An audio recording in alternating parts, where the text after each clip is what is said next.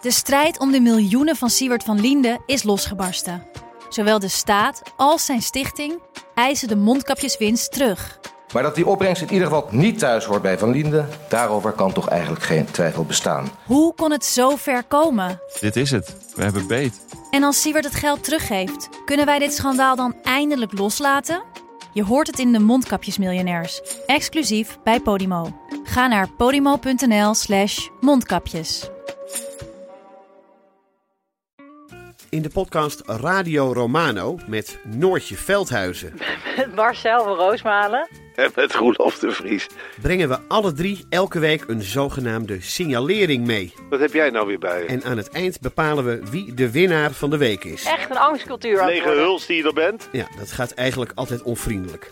Luister nu naar Radio Romano bij Podimo. Via podimo.nl slash Radio Romano luister je 30 dagen gratis. Former Vice President Joe Biden, on the verge of political collapse a week ago, emerged today as his party's presidential frontrunner. So I'm here to report we are very much alive. And make no mistake about it, this campaign will send Donald Trump packing. Last chance to vote for Bernie Sanders. We are going to win the Democratic nomination.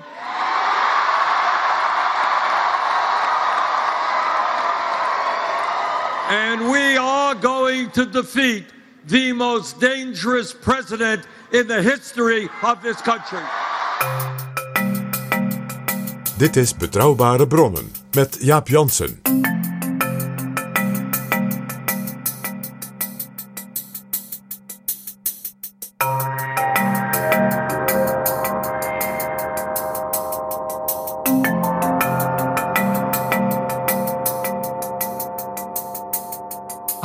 Welkom in Betrouwbare Bronnen, aflevering 90 alweer. Welkom ook PG. Dag Jaap. En PG, we hebben een gast. Dat is Pirmin Onderweghuis. Welkom, Pirmin. Hallo. Een jonge gast, 29. We hebben je uitgenodigd omdat je ervaring hebt in de Amerikaanse politiek. Op campagnes en ook als medewerker van een congresswoman. Want we gaan het vandaag in deze aflevering van Betrouwbare Bronnen hebben over de democratische primaries. De voorverkiezingen die uiteindelijk moeten leiden tot één door iedereen gesteunde kandidaat voor het presidentschap. In de hoop van de Democraten dat ze Donald Trump kunnen afzetten en het weer kunnen overnemen, zodat alles toch nog goed komt. Dit is Betrouwbare Bronnen. Piermin, wat is jouw ervaring in Amerika? Ik eh, ben Amerikanist, dus ik heb gestudeerd in de, aan de Rijksuniversiteit Groningen. Dus eh, Amerika, dat is al een passie voor een lange tijd. En, Waar komt dat vandaan? Dat is wel gegroeid. Eigenlijk internationale politiek. Eh, je had natuurlijk sowieso rond eh, 9-11, wat voor mij erg ja, mij gevormd heeft. De VS natuurlijk internationale politiek gezien veel in de spotlight. Dus eigenlijk daar is die interesse in dat land in gegroeid. En uiteindelijk ook geleid tot twee keer dat ik er een tijdelijk heb gewoond. Eén keer aan een universiteit in Michigan. Ergens, eh, nou, niet Michigan waar de Democraten wonen, maar waar de Republikeinen wonen. En daarnaast eh, in Washington DC eh, heb ik mogen ervaren hoe het is om in het Huis van Afgevaardigden te werken. Je werkte daarvoor Grace Napolitano. Zij is lid van het congres. Zij, zij doet dat nog steeds, is inmiddels eh 83. Hoe kwam je daar terecht? Ik kwam daar terecht omdat ik eh, eh, eigenlijk in Nederland eh, een, eh, een, programma zag wat ging over mensenrechten. Daar heb ik toen aan meegedaan. Het heet Humanity in Action. En eh, als onderdeel daarvan kreeg ik de mogelijkheid om naar de VS te gaan.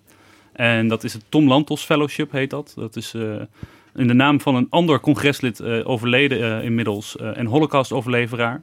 En vanuit eigenlijk dat mensenrechtenperspectief ehm, had hij het als eh, tot doel gesteld, tot eigenlijk nadat hij overleden was, Europeanen het Amerikaanse experiment van de democratie eigenlijk zouden moeten meemaken. Door ze dus een plek te geven in het hart daarvan. To- Tom Lantos was geloof ik ook een man uit Californië. hè? Net Dat als klopt, Grace. En hij was eh, dus een Hongaarse jongen die ja, als door een wonder eh, Boedapest uitgesmokkeld was. En ja, zijn hele familie was vergast. En daarom had hij als politicus in Amerika een soort opdracht voor zichzelf. Ik wil dat, dat die Europeanen en Amerika elkaar weer begrijpen. Juist vanwege mensenrechten. Exact. Hij heeft zich lange tijd uh, ook in een Foreign Affairs Committee ingezet voor mensenrechten onderwerpen, uh, religieuze vrijheid, dat soort onderwerpen eigenlijk. En uh, ja, hij is, weg, hij is eigenlijk weggesmokkeld, om het zo maar te zeggen, door Raoul Wallenberg. Wel een bekende ah, de Zweedse De Zweedse diplomaat. diplomaat die toen ook verdwenen is. Van het vermoeden is dat hij vermoord is. En, maar die, die duizenden Joodse mensen vanuit Boedapest heeft gered. En je kwam net te werk voor Grace Napolitano.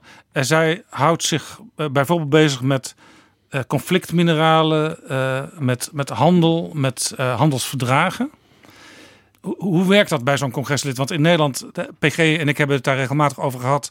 Een Tweede Kamerlid die heeft anderhalve man en een paardenkop ondersteuning. Maar dat is anders bij Amerikaanse politici.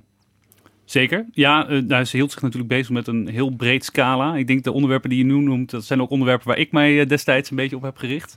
Ze zat vooral ook op uh, ja, het watervraagstuk in Californië. en wat, waar zijn groot voorvechter van was, eigenlijk de geestelijke gezondheidszorg. Waar relatief ook misschien wel in Nederland wat minder aandacht voor is. Hoe het eigenlijk verschilt ten opzichte van Nederland, is gewoon dat je elk lid van het Huis van Afgevaardigden heeft een heel specifiek district ergens in de Verenigde Staten. Nou, voor haar uh, was dat dus in Californië uh, rondom LA, eigenlijk in de buitenwijken. Ja, de 32nd Congressional District. Ja, exact. En dat is een beetje, ja, dat ga ik allemaal plaatsnamen noemen die waarschijnlijk helemaal niemand wat zeggen, als West Covina en Covina. En het is eigenlijk net ten oosten van, van Los Angeles. nog net richting, niet in de woestijn. Richting de woestijn en de bergen daar, hè? Exact. De bergen liggen net iets ten noorden. Ja. Uh, en, uh, het is heel veel suburb eigenlijk. Ja, ja. En dat, dat iemand uh, afgevaardigd is van zo'n gebied, betekent in Amerika ook dat je ter plekke vaak aanwezig bent om met kiezers te praten en de belangen van dat gebied te kunnen uh, vertegenwoordigen in, in Washington DC. Uh, dus je hebt ook medewerkers in dat gebied. Ja, Um, het is zo dat in, het, uh, in Washington DC heb je dus eigenlijk echt een staf die bezig is met het beleid maken. Um, uh, of in ieder geval de, de, wetsvoorstellen die de congresswoman eventueel naar voren wil brengen. Terwijl als je naar het district gaat, dan heb je meer caseworkers. En dat zijn ook mensen die gewoon helpen als iemand een probleem heeft met de veteranenuitkering. Dan kun je gewoon naar een telefoonnummer bellen. En dan wordt er gewoon door een van die mensen, het zijn er meestal een stuk of vijf. En die nemen dan gewoon de telefoon op en gaan je helpen. Ja, dus vijf medewerkers. En, en hoeveel zijn er in, in Washington? Een stuk of acht. Ah ja. Ja, dus dat geeft aan hoe belangrijk dat die districtvertegenwoordiging is. want het is bijna dus net zo'n soort team. Uh, uh, dat, dat als waarschijnlijk ook vrij zelfstandig moet kunnen opereren. Even los van wat er in Washington gebeurt. Absoluut. En dat is een van de dingen op de laatste dag. dat je nog even zo'n één op één kort gesprekje ter afscheid hebt. Was het ook, kwam ook naar voren. Ja, mijn eerste verantwoordelijkheid is richting de mensen uit mijn district. Mijn tweede verantwoordelijkheid is richting de mensen uit de state of California. En pas de derde verantwoordelijkheid is naar de United States of America. Dus het laat heel mooi zien hoe eigenlijk constituents, uh, kiezers. Ja, of kiezers is misschien nog een beetje. Uh, laat niet genoeg respect zien voor hoe je dat ziet. Constituent vind ik dan eigenlijk een mooier woord. Kan Omdat niet, uh, ja. ook de mensen die niet op jou gestemd hebben, daar ben je toch de vertegenwoordiger van. Exact, ja. Beetje zoals, het, zoals ze er in de Groot-Brittannië ook over denken. En die volgorde is ook interessant. Dus eerst komt jouw directe omgeving uh, waar je vandaan komt. En pas in laatste instantie de whole of the nation. In Nederland is het eigenlijk andersom. Hè? Want als je daar te veel alleen maar met bijvoorbeeld Limburgse belangen bezig bent... of Groningse belangen, dan, dan wordt er een beetje raar tegenaan gekeken in Nederland. Ja, ja in, in de VS is het gewoon uh, nou ja, de beroemde Tip O'Neill. All politics is local. Um, dat is natuurlijk voor, voor, het hangt ook een beetje af van je stijl als congreslid hoor. Er waren ook, uh, zijn ook congresleden die er beroemd om zijn dat ze echt moeten zoeken naar waar het huis precies staat in dat district. Uh, maar voor in ieder geval voor, voor haar gold dus echt tot dat voorop stond. Ja, maar zelfs, zelfs uh, congresleden die zich met bijvoorbeeld internationale zaken bezighouden, die zorgen toch dat ze de industrie en het MKB en alles in hun eigen district, dat ze daar goede contacten mee onderhouden. Exact, anders word je niet herkozen. Ja. ja. Omdat je niet uh, landelijk gekozen wordt, ben je afhankelijk van de mensen in jouw industrie. Ja. Is er één ding. All politics is local. Onthoud dit. Het was niet voor niks de Tip O'Neill, de man die het kiesdistrict van uh, Jack Kennedy overnam in Massachusetts. En die daar bijna geloof ik 50 jaar gezeten heeft. En uiteindelijk Speaker of the House werd.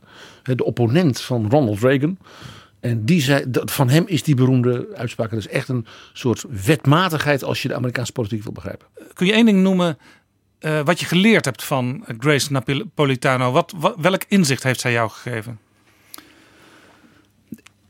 Nou, ik, oeh, dat is een lastige vraag, Jaap. Ehm, dat zijn van die vragen die je op een, eh, inter, of op een sollicitatiegesprek krijgt. Wat heb je geleerd precies? Ehm, We hebben de tijd. ja, nee, ehm, ja, ik denk dat dat wel heel erg aansluit op het onderwerp waar we het eigenlijk net over hadden. Ehm, eh, je bent heel snel geneigd, eh nou ik zelf ook, eh, het is natuurlijk interessant de grote vraagstukken, internationale politiek. Hoe verhoudt Rusland zich tot de VS? Wat betekent het met China die opkomt? Maar dat zijn natuurlijk allemaal wel hele grote metadiscussies van A en B. Terwijl tegelijkertijd moet je er ook voor zorgen dat ja, wat je doet als afgevaardigde of als, als politicus ehm, echt wel gericht is op de mensen die je vertegenwoordigt. En of je dat dan op de Amerikaanse manier organiseert of, of in Nederland. Ik denk dat die les in algemene zin wel blijft, blijft gelden. Ja, En, in Nederland is, het vaak, eh, is er vaak discussie van... eh, weten politici nog wel voldoende wat er leeft onder... tussen aanhalingstekens gewone mensen? Dat is in Amerika natuurlijk ook heel actueel. Want Trump kwam ineens eigenlijk uit het niets... werd hij president. En dat had ook een beetje ermee te maken... dat toch een aantal mensen in bepaalde gebieden... en met een bepaald, eh, ja, zeg maar, demografisch... eh, eh, omstandigheden, eh, ja, die voelden zich niet echt meer vertegenwoordigd. dachten, we nemen maar eens een rokje, we stemmen op Trump. The silent majority stands with Trump. Hè? Ja, ik weet niet of het. Ja, ik, ik heb daar wel mijn bedenking bij of dat daadwerkelijk is als je naar de opkomstcijfers kijkt. Maar dat er wel degelijk een effect is geweest. Vooral in de wat meer lege gebieden in de Verenigde Staten. Tot daar extra mensen zijn komen opdagen. Ehm, dat is denk ik zeker waar. Eh, ja, en bij Trump kun je ook zeggen, eh, PG, ehm, de mensen die vol vuur Obama hebben gesteund, vooral de jongeren, die kwamen in veel mindere mate stemmen bij de vorige Amerikaanse verkiezingen. En dat is ook een reden waarom Trump gewonnen heeft. Ja, de cijfers zijn overduidelijk.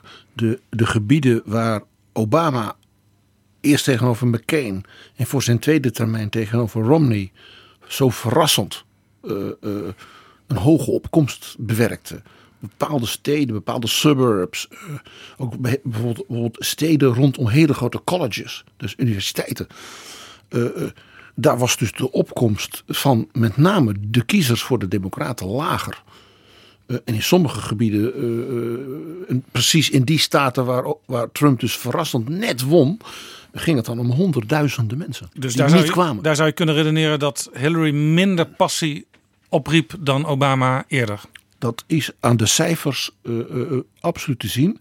En desondanks had Hillary Clinton dus 3 miljoen meer stemmen dan Donald Trump. Want dat was dus nog iets. Totaal gezien over heel Amerika scoorde Trump dus in aantallen kiezers beroerd ten opzichte van notabene Mitt Romney. Het is ook volgens mij een van de redenen waarom hij hem zo verafschuwt. Ten opzichte van Mitt Romney was hij geen winner. Terwijl Mitt Romney toch verloor van Obama. Ja, Mitt Romney is de man die als enige republikein nu eh, bekend maakte dat hij wel voor impeachment, eh, voor, voor het uiteindelijk afzetten van deze president eh, was. Dus dat is inderdaad een lastige verhouding tussen die twee. Dat is een hele mooie en ingetogen formulering daarvan. Misschien nog even om aan te haken, die suburbs. Als je bijvoorbeeld kijkt naar een staat als Michigan. ehm, nou, ik heb er gestudeerd in een republikeins eh, gedeelte. Maar voor in Michigan, als je gewoon naar die kaart eigenlijk kijkt. Het lijkt een beetje op een, een hand, Michigan handmap noemen ze het. Omdat het duimpje is Detroit en de rest is de rest van de staat. En dan heb je nog de Upper Peninsula waar eigenlijk nooit iemand komt. Ja, en in, in, in- tussen die duim en de vingers ligt natuurlijk eh, Lake Michigan. Ja, exact. Ja, dat ligt daar dan boven. En ehm, ehm, in Detroit, wat, wat dan natuurlijk gewoon een stad is eh, waar je ziet dat de Democraten daar vaak sterk scoren. Ehm, en als je dan een vergelijking trekt tussen de county eh, Detroit, waar dan in 2008 Obama natuurlijk met heel veel enthousiasme daar eh, 660.000 mensen voor zich eh, weet te winnen. Ten opzichte van 220.000 voor McCain. Dus echt hele grote marges. En als je dan nagaat dat in 2016 er nog maar 520.000 mensen op Hillary stemmen, dan heb je het over enorme gaten. En al helemaal als je erbij bedenkt dat Trump de Michigan op 10.000 stemmen nog niet eens gewonnen heeft. En Trump weet dus in al die rurale districten overal wel 20% extra te scoren misschien wel. Ja. Maar dat zijn maar 8000 mensen in totaal. Ja, maar het gaat dus om als je in een aantal, op een aantal plekken net, net de meerderheid krijgt. eh, Dat zijn toch weer een aantal kiesmannen. Dan kan dat net het verschil maken in het totaal van het Electoral College. Exact, ja. Pirmin, eh, een jaar later, want dit was allemaal 2015 dat je voor Grace Napolitano in het Huis van Afgevaardigden werkte. Een jaar later ging je met de BKB-academie naar Amerika. Klopt, februari 2016, uh, vier jaar uh, geleden nu, op de kop af. En ik weet van de BKB-academie dat jongeren, vaak mensen die, die klaar zijn met studeren en de wereld in willen, maar ook nog heel gulzig zijn om heel veel over politiek en campagnevoeren te leren. die mogen dan mee naar in dit geval de Amerikaanse verkiezingen. En die gaan dan ook kijken bij hele verschillende partijen. Hè? Dus zowel links als rechts. je, je staat op een gegeven moment met een bord in de hand van een kandidaat waar je zelf waarschijnlijk nooit op zou stemmen. Maar dat maakt het ook zo interessant. Exact. Ik heb, uh, met, uh, ik heb gebeld voor governor Christie. Uh, Chris heb, Christie? Ja, Chris Christie, de voormalige gouverneur van New Jersey. had wat akkefietjes met corruptie rondom tarieven voor het oversteken van bruggen in zijn staat, volgens mij. Ja, die was ook presidentskandidaat bij de Republikeinen. Ik ben van deur tot deur gelopen voor Ted Cruz. Nou, senator van Texas. Exact. En dan moet ik er wel bij zeggen natuurlijk van uh, wat er aan je gevraagd wordt is vooral om mensen te mobiliseren om naar iets toe te komen. Dus ik heb daar niet hoeven beredeneren waarom Ted Cruz de juiste keuze is. Nee, en, veel, ja. en, soms in een groepje langs de weg staan met borden omhoog en, en, en een yell uh, schreeuwen. Nou, ik ben niet zo van het jellen, maar nee. maar, maar ik ben wel van ook voor Bernie Sanders van deur tot deur. En dan loop je door de sneeuw heen van het ene huis naar het andere huis en dan aanbellen. Want het was in New Hampshire, hè? Dat, je, exact, uh, dat is ook een staat met heel weinig mensen, maar wel hele grote sneeuwbergen. Uh, en, en leer je dan al snel als je dat doet, bijvoorbeeld langs de deur gaan. Uh, deze kandidaat waar ik vandaag voor bezig ben, die heeft het zo moeilijk, dat gaat, die gaat het waarschijnlijk niet redden. Leer je dat al gewoon in een paar uur tijd? Vind ik wel lastig om te zeggen, omdat je, je, ja, de hoeveelheid mensen die je uiteindelijk spreekt best beperkt is. En ze zijn ook wel goed in het heel gericht sturen. Dus je komt waarschijnlijk ook in een wijk waar men al van tevoren heeft ingekaart, soms met apps.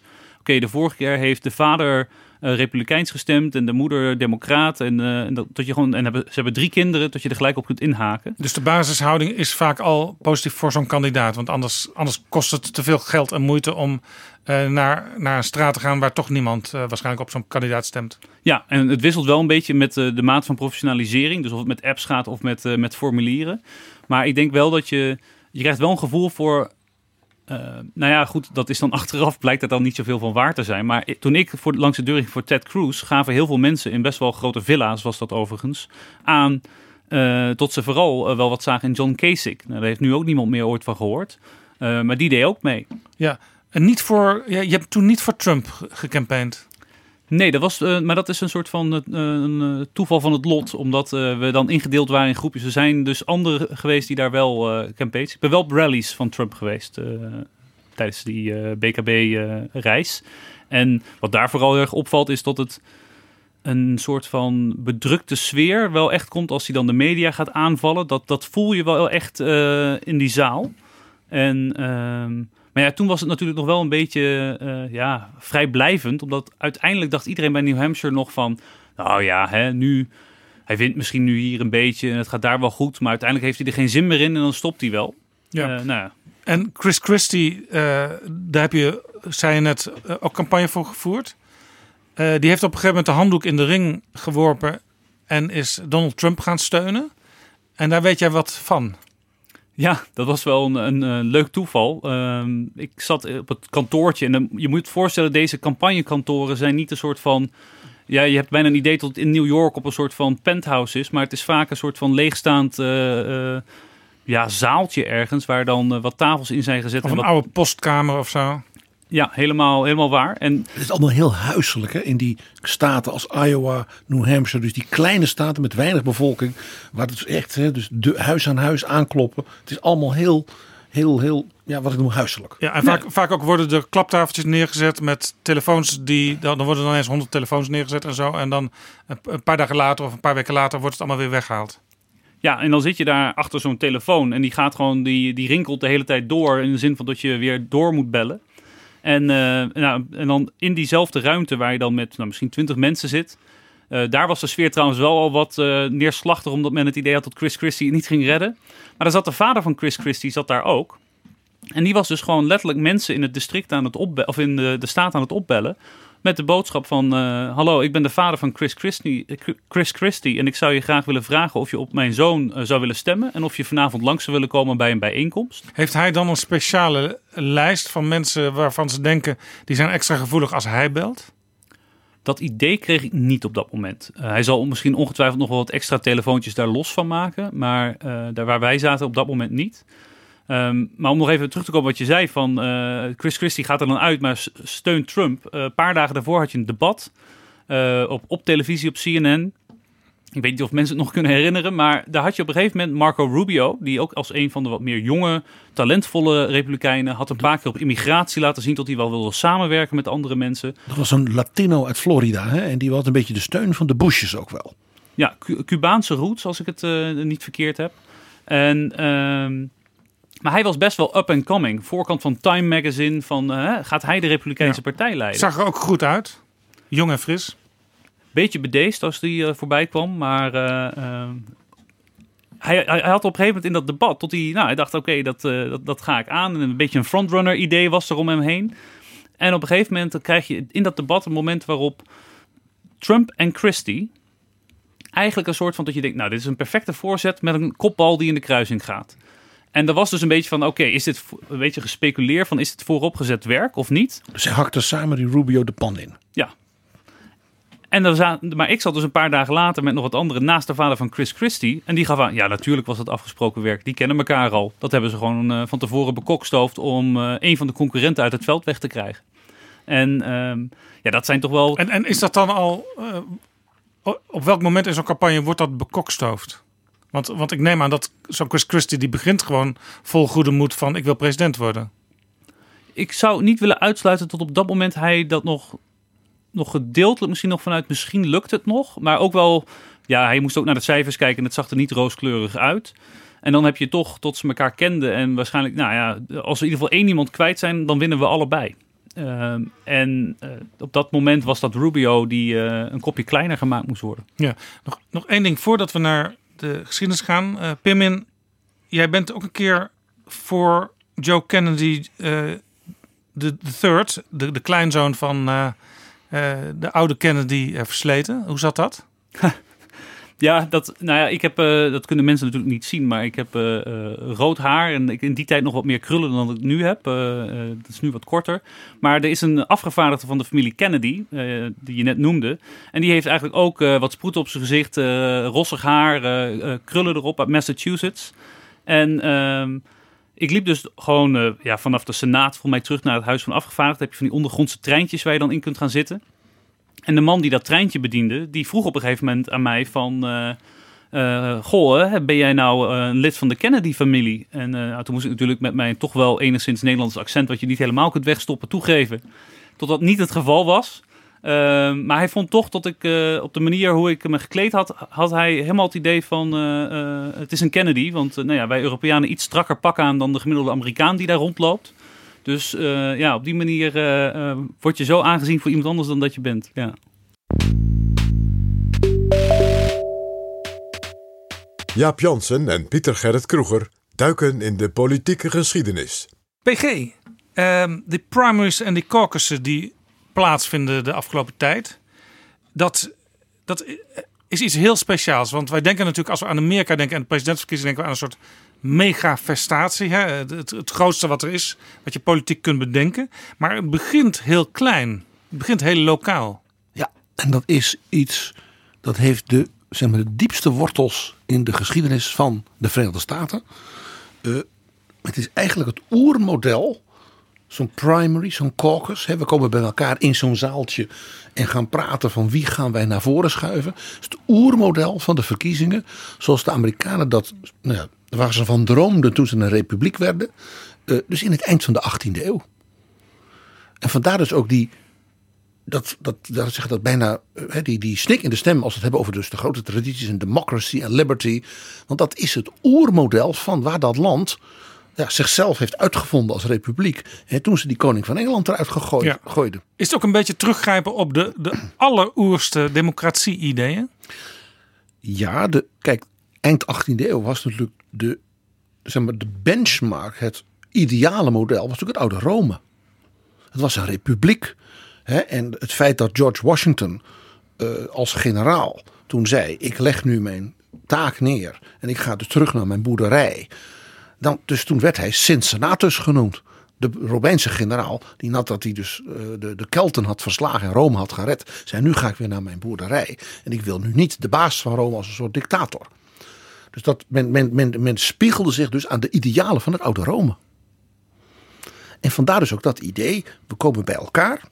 Lokale gemeenschappen, all politics is local, komt uit 1787, ja, de grondwet van, van Philadelphia. En dan kwam men bij elkaar, hè, op het dorpsplein of een zaaltje achter de kerk of iets dergelijks. En dan werd er gepraat wie van ons, in ons dorp, in ons stadje, in onze regio, gaan wij afvaardigen. Want dat is een wijs man, dat was in die tijd ook altijd mannen. En die gaat dan naar Washington. Wat heel, en Washington lag heel ver weg, hè? want in de pionierstijd was Amerika natuurlijk heel dun bevolkt. En je moest echt goed over nadenken, hoe gaan we dit organiseren? Je deed er weken over. En nu snap jij waarom op de eerste dinsdag van november die presidentsverkiezingen zijn. En dat kiescollege, de Electoral College, ergens in de tweede helft van december bijeenkomt. Men moest uit Boston, men moest uit Virginia, uit South Carolina met een koets, te paard, lopend eh, of met een schip over een rivier naar de hoofdstad New York. Philadelphia en later pas Washington, om daar dan gezamenlijk bijeen te komen en dan te stemmen. Dus de allereerste twee presidentsverkiezingen gingen dus echt zo.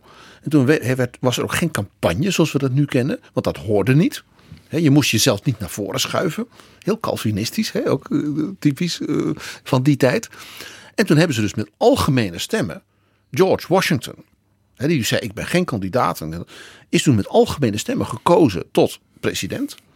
En John Adams uh, uit Boston. Uh, Washington kwam uit Virginia, uit het zuiden, de planters. En Adams kwam uit het meer protestante, Calvinistische noorden van New England. De Yankees, hè, zoals ze werden genoemd. Jan Kezen betekent dat. En Adams, die werd dus gekozen tot vicepresident. En toen is, is er dus een delegatie naar Washington zijn, zijn boerderij gegaan. En heeft gezegd, ja, u bent met algemene stemmen gekozen. Dus ja, wij doen een beroep op u. En toen heeft ze gezegd, ja, ik wil dit niet. Want ik ben nu weer herenboer. Maar ik doe dit dus voor het land als u dat aan mij vraagt. Ja, en dat idee van er is een president en een vice-president die een ander deel van het electoraat vertegenwoordigen. Dat werkt eigenlijk nu nog steeds door bij de kandidaten van zowel de Democraten als de Republikeinen. Uh, wat ik niet heb, dat kun jij aanvullen, is dan een beetje het idee. Dat is heel interessant dat dus dat zelfs die regionale, maar wil zelfs zeggen bijna uh, politiek, culturele, intellectuele uh, balans tussen die kandidaten zat dus al tussen de generaal. Uh, wat, wat, wat, wat, ingetogen persoonlijkheid van Washington, de vader des vaderlands, en de diplomaat en vurige, zelfs felle debater John Adams. Dat was een heel andere man qua persoonlijkheid. Dus zelfs dat zat er dus toen al een beetje in. En heeft overigens in 1804, ja, historie hè, hebben ze dus de wetten aangepast. Omdat toen een paar keer was voorgekomen dat de kandidaat president en de kandidaat vicepresident evenveel stemmen hadden gekregen. En toen was het nog niet zo dat er dus dan een nummer 1, nummer 2 was. Dus dan moest het Huis van Afgevaardigden beslissen wie van die twee wordt het dan. Ja. Toen hebben ze dus de wet aangepast dat er dus een kandidaat president en een kandidaat vicepresident los van elkaar gekozen werd. Ja. En er was ook nog geen sprake van een running mate in die tijd. Nee, want er was geen running. De, de eerste, onder, onder Washington was er dus geen verkiezingscampagne. Hij zei: Ik ben beschikbaar voor het vaderland, maar het hoeft niet. Dus men deed een beroep op hem. En pas bij de verkiezingen na Washington, uh, die van 1796 een beetje, maar vooral die van 1800, die leidde tot een, volgens sommigen zelfs de meest, most dirty campaign in history. Uh, en toen heeft men dus ook daarom die wet uh, daarna aangepast omdat men toen merkte dat werkt niet als je dus niet een vader des vaderlands hebt waar gewoon iedereen meteen op stemt. En hoe is ontstaan dat het, uh, zoals we nu zien, het begint in Iowa, in de sneeuw.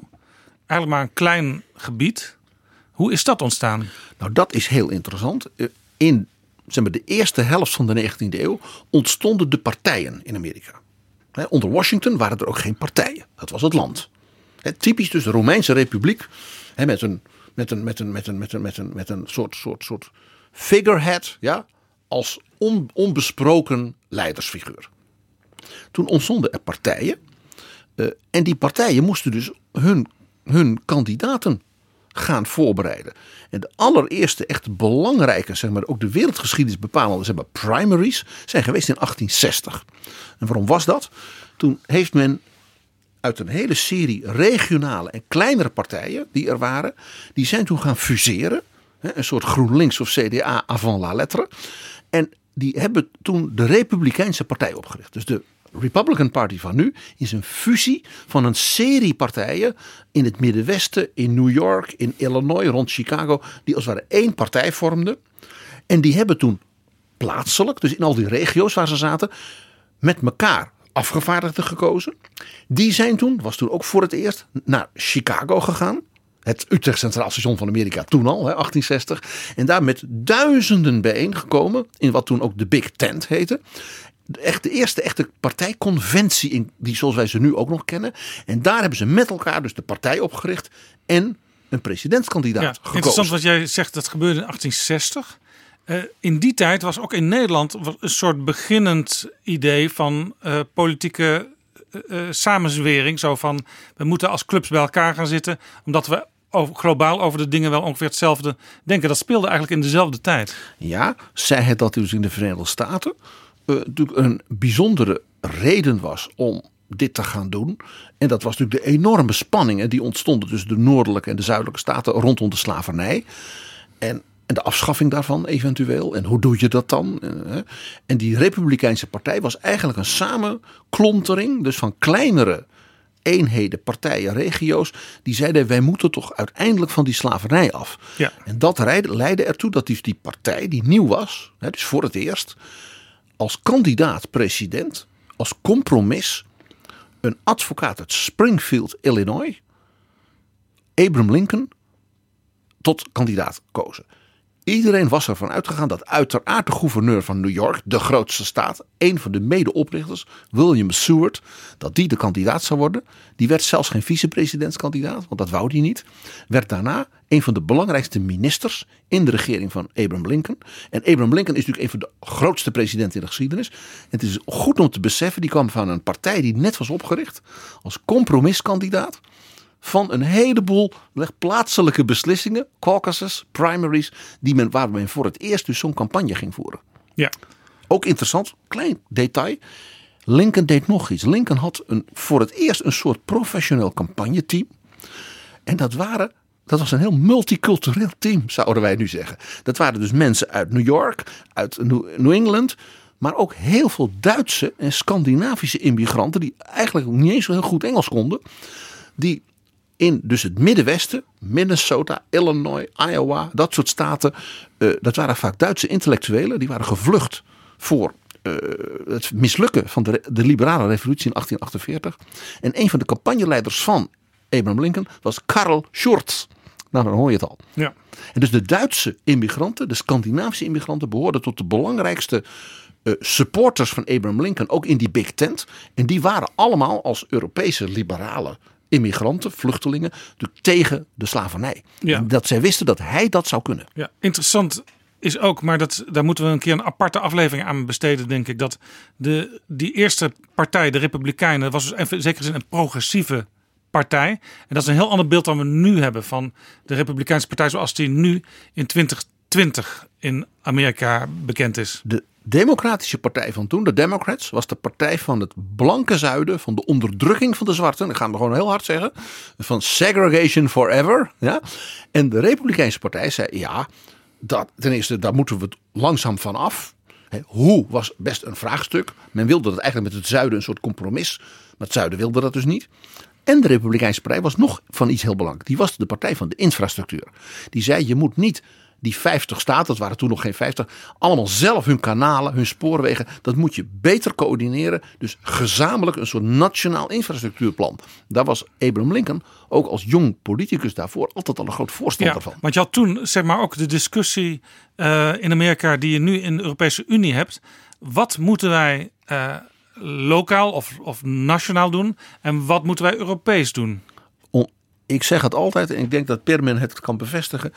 Wij Europeanen beseffen veel te weinig hoeveel de staten, de, de governor, allemaal doet. Wat, waarvan wij het zeggen, dat doe je nationaal. Ja, Het onderwijs, eh, een heleboel andere dingen. Dus het was een vrij revolutionaire gedachte in die tijd. Om te zeggen, de overheid, de centrale overheid moet iets doen aan die slavernij. En de centrale overheid moet een soort coördinerende rol bij die infrastructuur die nodig is voor de expansie van Amerika, de industrie. Het werd natuurlijk een grootmacht in Ja, die tijd. en waar, ze, waar zij dus vrij snel al dachten, wij moeten bijvoorbeeld de spoorwegen, dat moeten we eh, federaal gaan organiseren. Zitten wij in Europa nog steeds met eh, snelle treinen die bij de grens eh, van Frankrijk ophouden en niet doorrijden naar Amsterdam, bij wijze van spreken, omdat we dat niet goed georganiseerd hebben.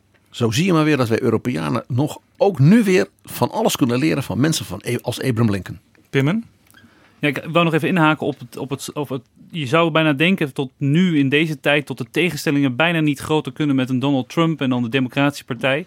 Als je naar de tijd van Lincoln gaat, naar 1860, toen die Republikeinse Partij werd opgericht. nog even los van zijn verkiezing, die gewoon meteen het trigger-effect had. Tot, de, tot eigenlijk de afscheiding van bepaalde staten daarna kwam.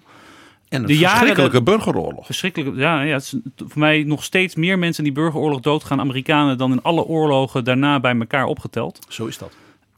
Maar als je gaat kijken naar die periode daar voorafgaand, waarom dat gebeurd is, heb je gewoon keer op keer dat bij de uitbreiding van de Verenigde Staten met nieuwe staten naar het westen toe, kwam de situatie weer, wordt deze staat een slavenstaat of een vrije staat?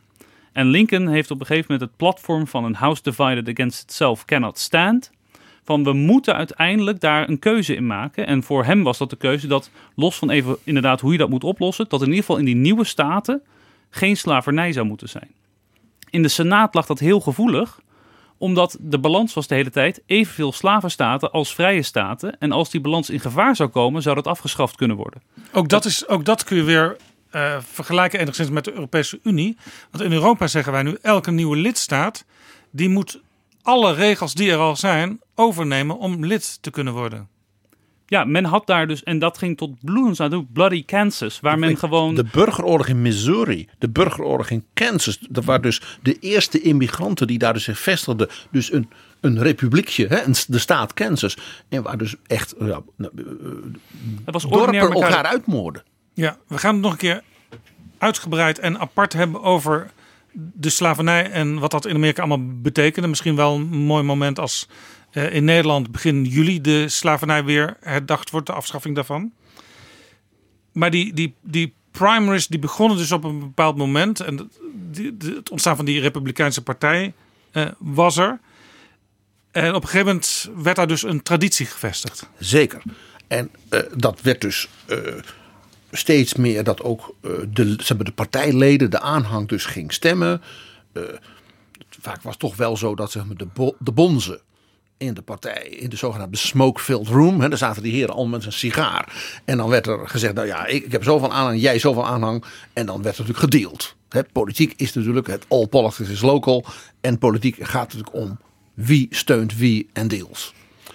En een prachtig voorbeeld daarvan, eh, een van de meest historische en zeker in Nederland en Europa onbekende primaries, is die geweest van 1932 binnen de Democratische Partij. We waren eerst bij de Republikeinen met Lincoln, de grote president. En nu komen we bij de Democratische Partij in California, bij een andere, misschien wel grootste president hè, na Washington, Franklin Delano Roosevelt. Ja, en als we, we hadden het net over hoe progressief in feite de Republikeinse Partij in zijn oorsprong was.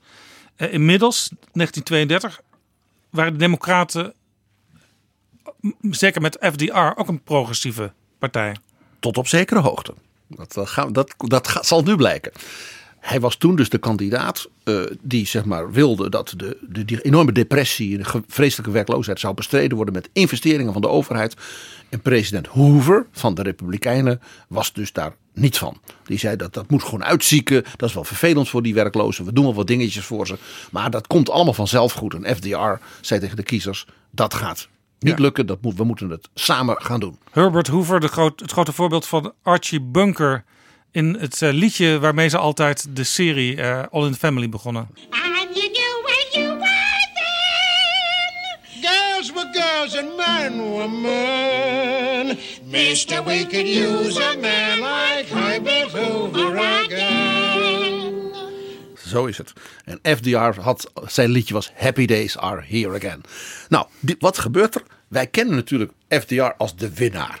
He, dat optimisme wat hij uitstraalde. He, de langstzittende president in de geschiedenis. Een epische persoonlijkheid. Maar de primary in California in 1932 verloor hij. En dat was toen al een hele belangrijke staat binnen die partij voor de kiesmannen. Want wie won? Cactus Jack. De heer Jack Garner. En dat was zeg maar, de partijbonds van de staat Texas. Waarom heette die zo, Cactus Jack? Dat is een geweldig verhaal. Hij heeft een stemming verloren in Texas over de, het officieel vaststellen van de, zeg maar, de, de, de bloem die het symbool zou zijn van de staat Texas. en hij pleitte voor de cactusbloem. En dat verloor hij, want de meerderheid van het, zeg maar, de Senaat in Austin van Texas wou de, de Texas Blue Bonnet. Dus dat prachtige blauwe bloemetje wat in Texas uh, overal groeit. Maar hij wou de cactus. En dat heeft hij verloren. En sindsdien werd hij dus plagerig Cactus Jack genoemd. Nou, Cactus Jack die won dus Californië en had dus kon dealen met FDR. Zo van ja, jij bent van New York, je wint wel al die, maar je wint deze niet. En ik heb Texas en ik heb Californië in de pocket. Wij gaan dealen. In die smoke-filled rooms in uh, de convention in Chicago. Alweer Chicago. Ja, want als je dealt, dan kun je bijvoorbeeld uh, inhoudelijke invloed uitoefenen op het beleid voor de komende vier jaar. De deal zag er als volgt uit tussen Cactus Jack en FDR. 1.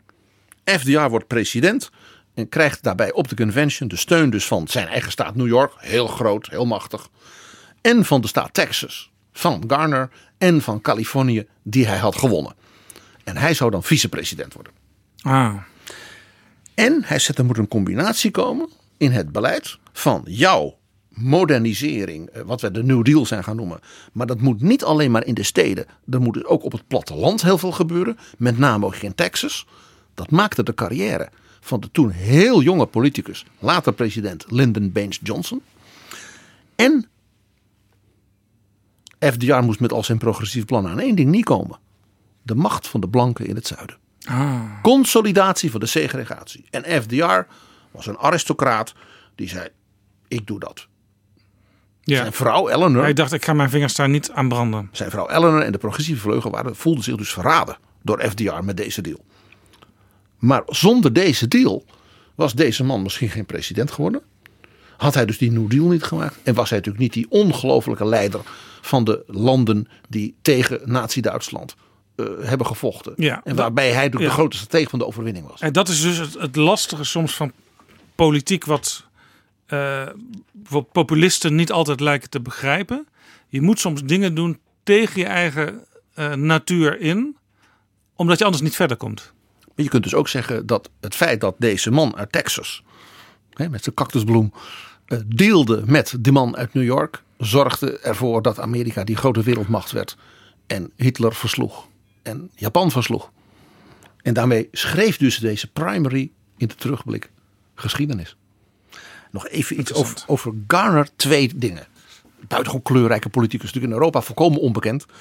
Uh, hij merkte al heel snel dat vicepresident zijn onder een man als FDR natuurlijk een enorme persoonlijkheid. En een, ja, een, nou ja, een briljant bestuurder ook als uh, buitengewoon sluw. Speelde iedereen tegen elkaar uit. Dat dat dus niks voorstelde. Nee, dat en hebben we trouwens heel vaak gezien in de geschiedenis. Dat een vicepresident moet eigenlijk maar afwachten wat zijn taak wordt. En welke rol hij echt kan spelen. Hij woonde ook eigenlijk bijna altijd in Texas, op zijn boerderij. Hij was bijna nooit in Washington. En hij, van hem is het de beroemde uitspraak, zoals alleen een Texaan dat zo heel aards kan zeggen. The vice presidency is not worth a bucket of warm piss. Officieel werd daarvan gemaakt warm spit in de boekjes. Maar iedereen weet dat in Texas dat heet a bucket of warm piss. En er is nog iets, iets tragisch in de geschiedenis van Jack Garner. Jack Garner overleed in 1967. Hij was toen op een dag of wat na 99. Is de oudste vicepresident, president die Amerika dus ooit heeft gehad. 99. 99. En toen hij 95 werd, werd hij gebeld door de president, zijn partijgenoot Jack Kennedy. En dat was op 22 november 1963. En toen was hij in Texas, in Fort Worth, had daar de bevolking toegesproken en ook de partij toegesproken. En heeft toen gebeld naar die oude baas, die nog helder van geest was. En dat is zijn laatste telefoongesprek geweest. Want daarna ging hij met de auto door Dallas en werd daar doodgeschoten. Ja, dus echt een historisch gesprek. Een, een gesprek. Het laatste gesprek. Het laatste telefoongesprek was dus een felicitatie aan de vice-president van Franklin Roosevelt. Dit was een mooi voorbeeld over hoe je kunt dealen en zo uiteindelijk president wordt met toch wat dingen die ja, misschien een beetje pijn doen, maar ja, anders word je geen president. En die dus de wereldgeschiedenis hebben bepaald. Die deals. Ja, dat was 1932. We gaan naar 1968, New Hampshire. Ja, New Hampshire. Nou, eh, Permin kent New Hampshire. Ik weet hoe koud het er kan zijn. Hè, hoe hoog de sneeuw eh, langs de wegen is. Ja, je kunt beter een stevige, dikke jas aantrekken als je wat uren door de sneeuw aan het banjeren bent, eh, PG. En overal aanbellen en bij elke boerderij. Hè? Ja, je ziet werkelijk meters sneeuw altijd liggen in die reportages vanuit New Hampshire. Ja, ik denk toen wij er waren was het tot, tot kniehoogte bepaalde gedeelte. Dus dat, misschien valt het mee. Ik heb, Dat ik heb, viel ik- toch mee bedoel je dus? Ja, kijk. En op zich, voor een beetje sneeuw ben ik niet bang. En de mensen zijn allemaal, dat is typisch Amerikaans. Want ook al, je belt, je belt aan en die mensen worden natuurlijk helemaal gek gebeld door iedereen. Je hebt eh, nou ja, in dat geval acht nog Republikeinse kandidaten die allemaal de hele dag van die teams hebben die bellen. Dus sommige mensen zijn er ook echt wel zat van. Die, die doen zo'n sticker op de deur van wil je alsjeblieft weggaan. Ja, ja, er zijn zelfs mensen die, die zeggen dan in een reportage... ik heb echt alle zes de kandidaten gesproken. Dus die Exact, mensen ja. bellen gewoon echt bij jouw nederige stulpje aan. En je ziet niks anders meer op de tv dan politieke reclame. Dus het is, eh, het is overal. En ik denk dat de meeste mensen ook wel weer blij zijn als het hele circus weer weggetrokken is. Want dan is het in één keer weer stil. Ja, dus Dan- mensen zijn nu bijvoorbeeld heel erg blij... dat ze, dat ze geen reclame de hele avond meer zien van Bloomberg... en tot voor kort van Tom Steyer. Want die hebben heel veel geld uitgegeven aan reclame.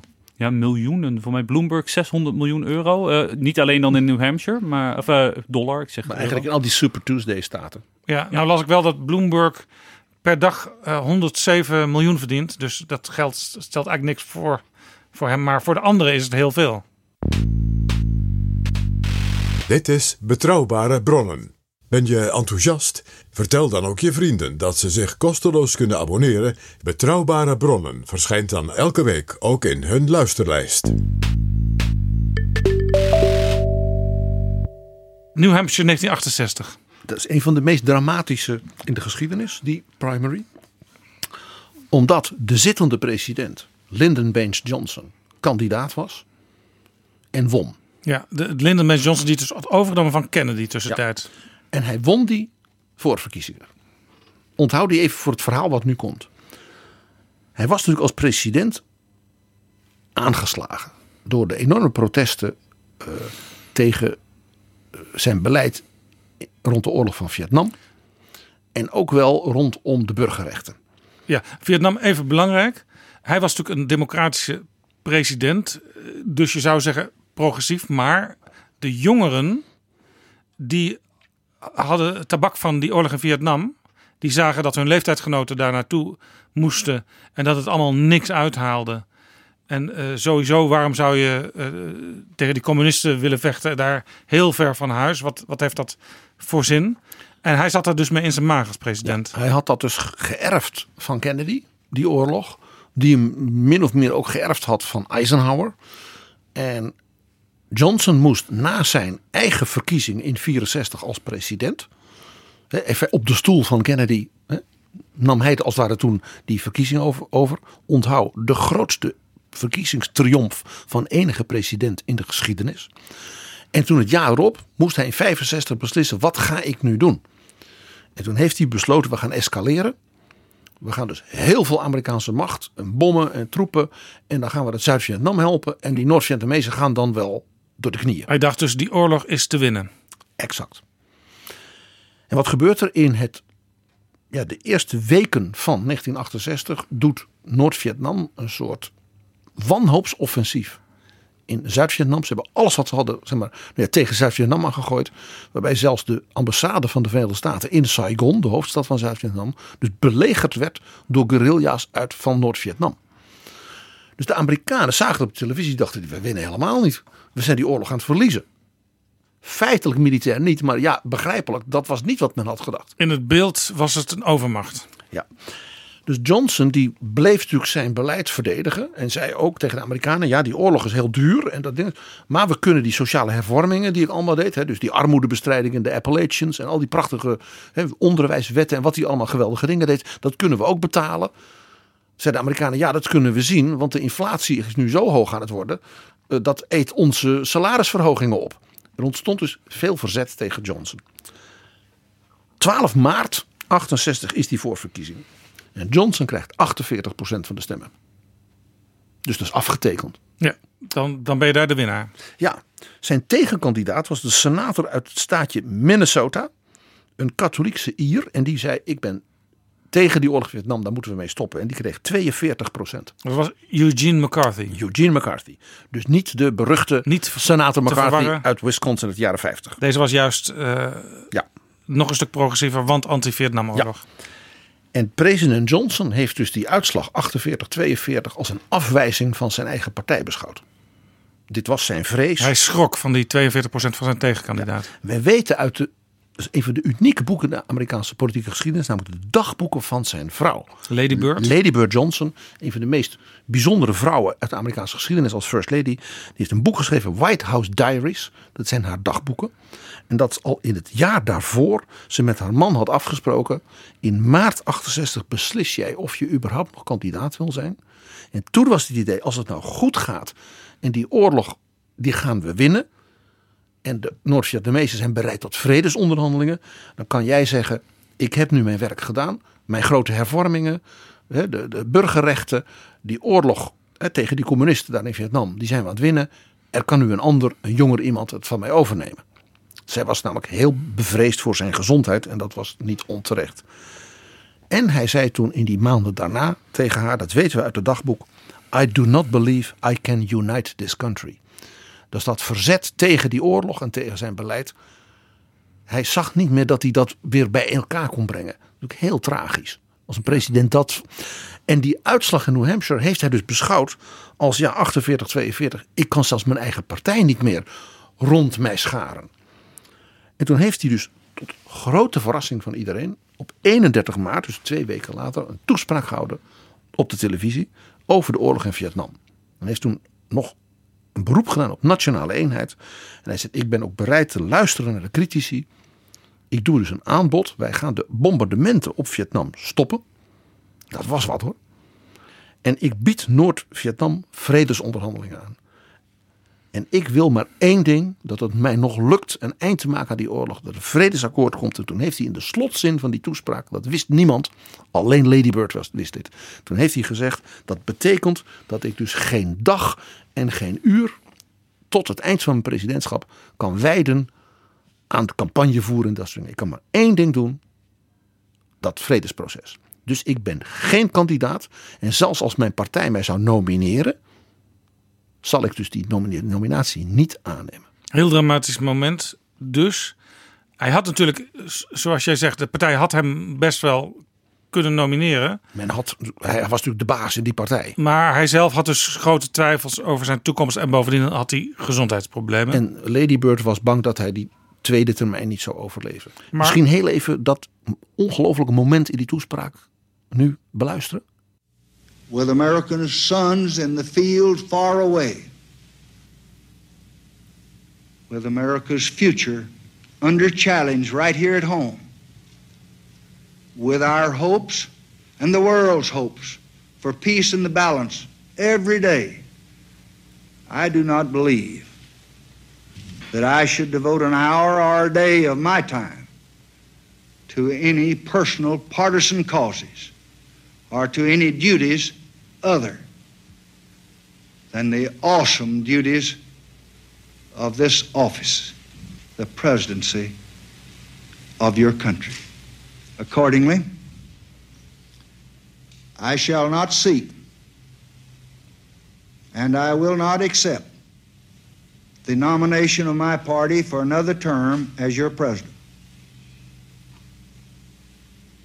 But let men everywhere know, however, that a strong and a confident and a vigilant America stands ready tonight to seek an honorable peace and stands ready tonight to defend an honored cause, whatever the price, whatever the burden, whatever the sacrifice that duty may require.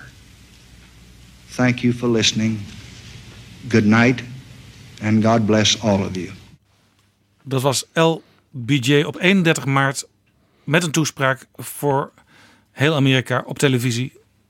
Waarin hij die dramatische mededelingen doet. Als effect dus van een primary die hij won. De dagen daarop was de pers ging toen maar over één ding. Men was geschokt door deze mededeling. En er gebeurde nog iets. Onmiddellijk meldde zich een nieuwe kandidaat voor het presidentschap, namelijk Bobby Kennedy. Robert F. Kennedy. En die had gewacht, want die wist als ik dat doe, terwijl LBJ nog potentieel kandidaat is, dan word ik vernietigd.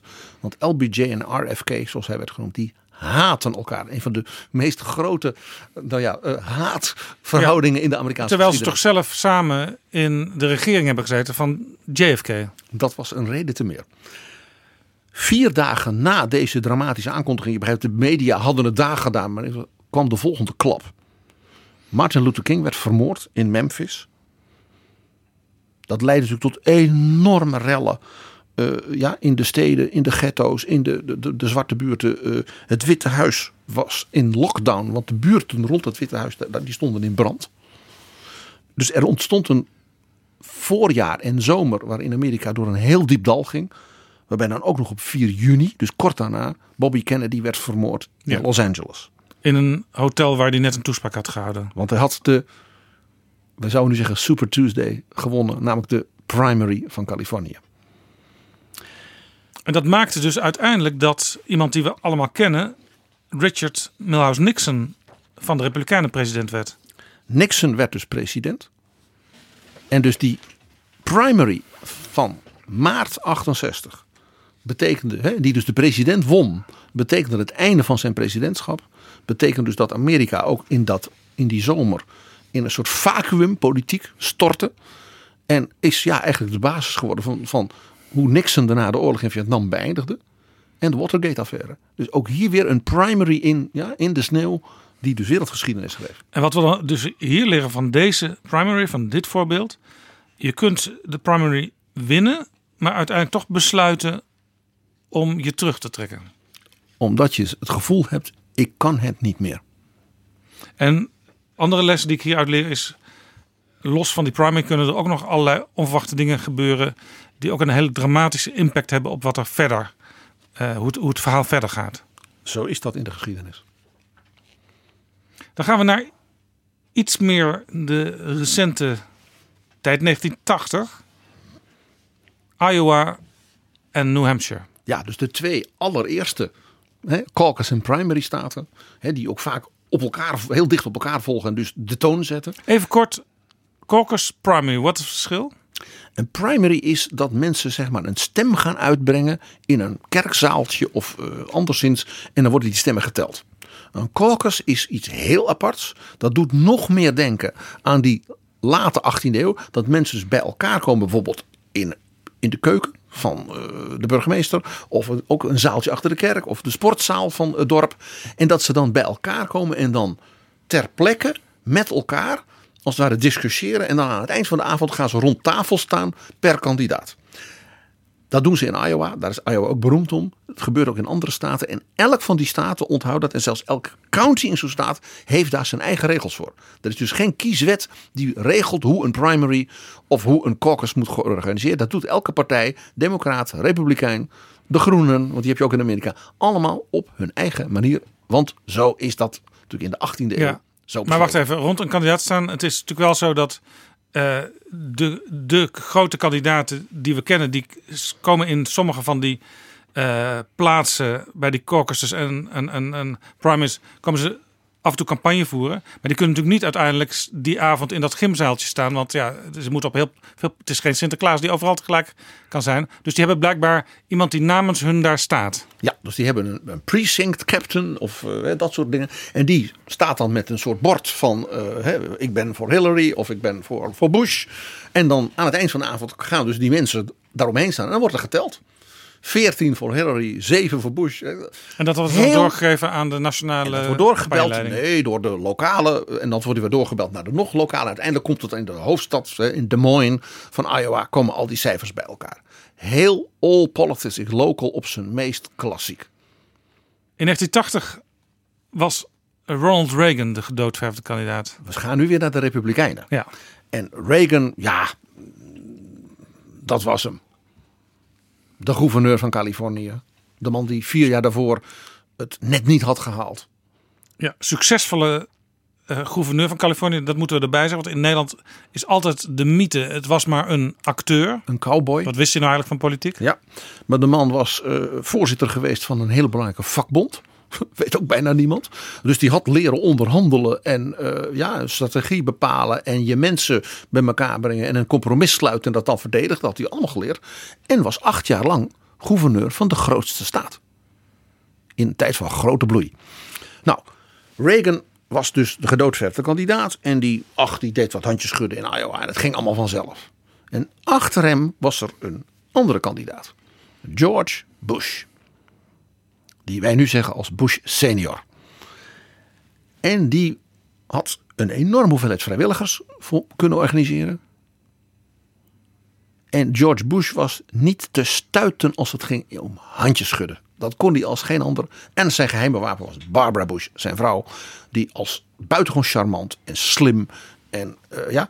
en Nancy Reagan, de vrouw van Ronald Reagan, was een actrice. En die stond bekend als wat moeilijk in de omgang. Wat cooler. Zullen we maar zeggen. Maar Barbara Bush was een warme vrouw. En dat was zijn geheime wapen. En op de avond van de verkiezingen in Iowa verslaat George Bush Ronald Reagan niet eens met een klein beetje. Dat was een triomf. Volkomen onverwacht. De media hadden nergens op gerekend. Deze man uit Connecticut.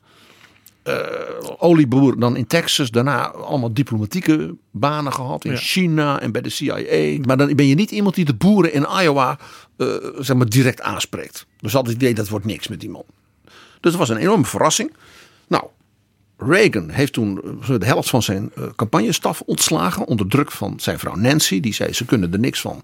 Ze zitten geld op te eten en ze doen niks. Daar had ze wel een beetje gelijk in, want dat bleek. Dan heeft Reagan de voorverkiezingen in New Hampshire de week erop gewonnen. En nog meer de voorverkiezing daarna. Die van South Carolina. En dit doet dus denken aan wat er met Joe Biden gebeurd is. Namelijk de, de gedoodverfde kandidaat of iemand met een grote naam. Die dus gewoon de mist ingaat bij die allereerste dingen. En dan in South Carolina laat zien. Ja, maar ik laat me er niet onder uh, schoffelen. Ja, ja, de oud vice-president waarvan dan altijd het idee is. Die wordt later zelf nog wel eens echt de kandidaat. En kans dat hij het dan krijgt is ook nog aanwezig. We zien dus nu, heel interessant, namelijk dat ik dit historische voorbeeld gebruikte. Dat wat Biden, dat het ware nu lukt of durft. Dat is eigenlijk dus wat Reagan min of meer per ongeluk, hè, het ging bij een fout, in 1980 deed. Nou, dat is natuurlijk het begin geweest van, dat mag je toch wel zeggen, het Reagan-tijdperk. Wat ook nog voortgezet werd door Bush, die hem daarna opvolgde als president. Met als de grote man achter de schermen natuurlijk James Baker, de campagneleider van Bush. Daarna de chef-staf van Reagan, zijn minister. En daarna natuurlijk de minister van Buitenlandse Zaken en campagneleider van Bush. Ja, maar ze werkten dus sindsdien samen, Reagan en Bush. Ja, uh, Reagan heeft hem uiteindelijk vicepresident kandidaat gemaakt. En James Baker werd dus toen ook de campagneleider van Reagan. Heel interessant. Reagan heeft dat echt moeten bevechten op zijn vrouw Nancy. Want Nancy zei die Baker, dat is iemand van Bush. Die heeft toen die verkiezing in Iowa, die jij hebt verloren, georganiseerd. Dat vergeef ik die man nooit meer. Zij kon heel goed haten, Nancy. En Baker heeft door zijn ongelooflijke aristocratische Texaanse charme. Is hij erin geslaagd als een van de heel weinige mannen Nancy Reagan zeg maar, om, zijn, om zijn vinger te wikkelen. Zodat ze hem ging waarderen. En dat is dus iets heel bijzonders. Dat is een van zijn grootste politieke prestaties van James Baker. Is dat hij Nancy Reagan zo ver kreeg. En hoe ging het verder tussen Nancy en Barbara Bush? Uh, dat is nooit meer iets geworden. Nancy Reagan heeft de Bush-familie nooit vergeven dat ze haar Ronnie toen zo vernederd hebben in Iowa. En Barbara Bush heeft in haar memoires verteld dat ze de acht jaar als vicepresidentsvrouw niet één keer met Nancy Reagan geluncht heeft. Dan moest Nancy natuurlijk uitnodigen. En dat ook het echtpaar Reagan, het echtpaar Bush, niet één keer bijvoorbeeld een keer bij een diner met, met z'n viertjes dat ze hebben gegeten. Het werd nooit gezellig. Nee, tussen Bush en Reagan waren was de, dus die twee mannen, dat ging uitstekend. Maar Ronald Reagan was wat, zat wat dat betreft echt onder de plak bij Nancy. Ja, zo zie je maar hoe een, een primary ook weer hele uh, onverwachte dingen kan laten zien. en het uiteindelijk toch nog weer anders loopt. En het einde van de Koude Oorlog, de val van de muur, hè, waar wij uh, in Betrouwbare Bronnen die grote serie nu over doen. Die begon dus eigenlijk daar in Iowa. En dus die, dat herstel van Reagan in South Carolina. Wat zo doet denken aan deze week. Ja, we nemen een sprong in de tijd. We gaan van 1980 naar 2008. Ook weer de caucus in Iowa. Je ziet dat Iowa en New Hampshire ze komen voortdurend terug. En ook een beetje dat South Carolina. Even, even misschien een vraag tussendoor.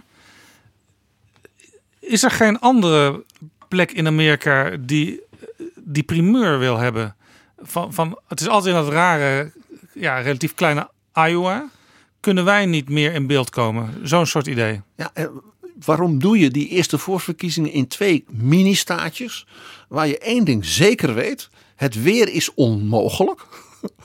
je bent helemaal gek om, om campagne te gaan voeren in Iowa en New Hampshire in januari, februari. Uh, ja. Iowa heeft zelfs de caucus van 2008, waar we het nu over hebben. Uh, daar was toen zelfs een soort strijd over binnen de Democratische Partij. Waarbij onder andere de staat Florida zei: Het is bij ons mooier weer. Wij willen wel eerder. Dat kunnen we organiseren.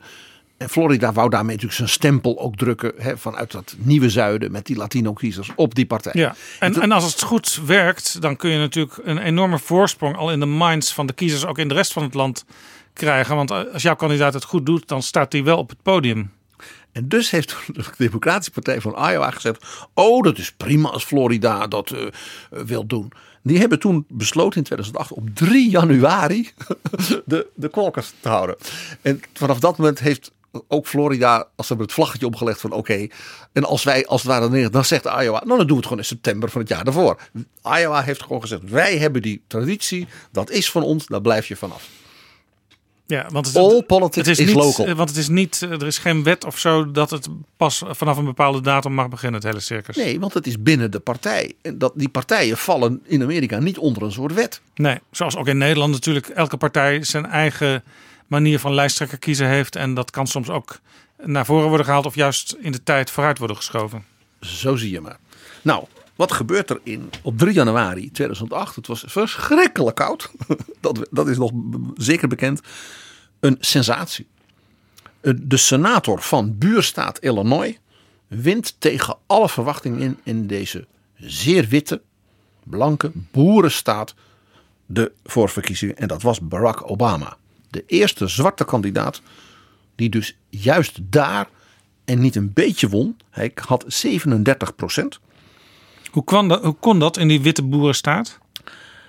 Um, hij had een aantal voordelen, om maar zo te zeggen. Ten eerste, hij kwam uit Chicago. En kon dus een enorme hoeveelheid vrijwilligers, studenten, mensen uit Chicago, zijn achterban. En die hebben dus op elke deur in Iowa, bij elke boerderij drie keer aangeklopt. Zoals Permin vertelde over dat aankloppen overal namens jouw kandidaat. Ja, want in feite, het was een politieke buurman van de mensen die daar woonden. Vlakbij. Dus met bussen gingen ze erheen. Dus was één. En twee, de andere kandidaten hadden dus onderschat dat de staat Iowa zo dun bevolkt is.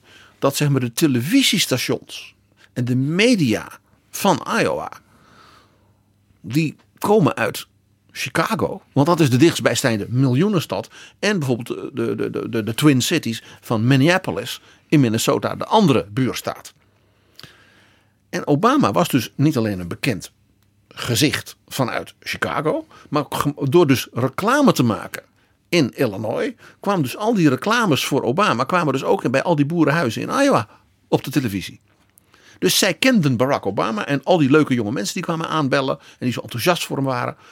Ja, een beetje, beetje vergelijkbaar met als je zeg maar, in de jaren 60, 70 in uh, de grensstrek van Nederland woonde, dan keek je automatisch ook regelmatig naar de Duitse tv. Dus je wist veel meer dan we nu weten van Duitsland. Je wist wie Helmoet Kool was, maar wie Piet de Jong was. Nou ja, hè? zoiets. Ja. En maar, maar, daar moet je inderdaad een beetje aan denken. En er was, de klap was destijds te harder. Want de gedoodverfde kandidaat, ook toen, hè, het is weer een beetje Bush-Reagan, Hillary Clinton, toen al, ja. die werd nummer drie op 29 procent. Dus flink achter Obama. Met dus dat hele Clinton-apparaat achter zich. Ja, met al die professionals.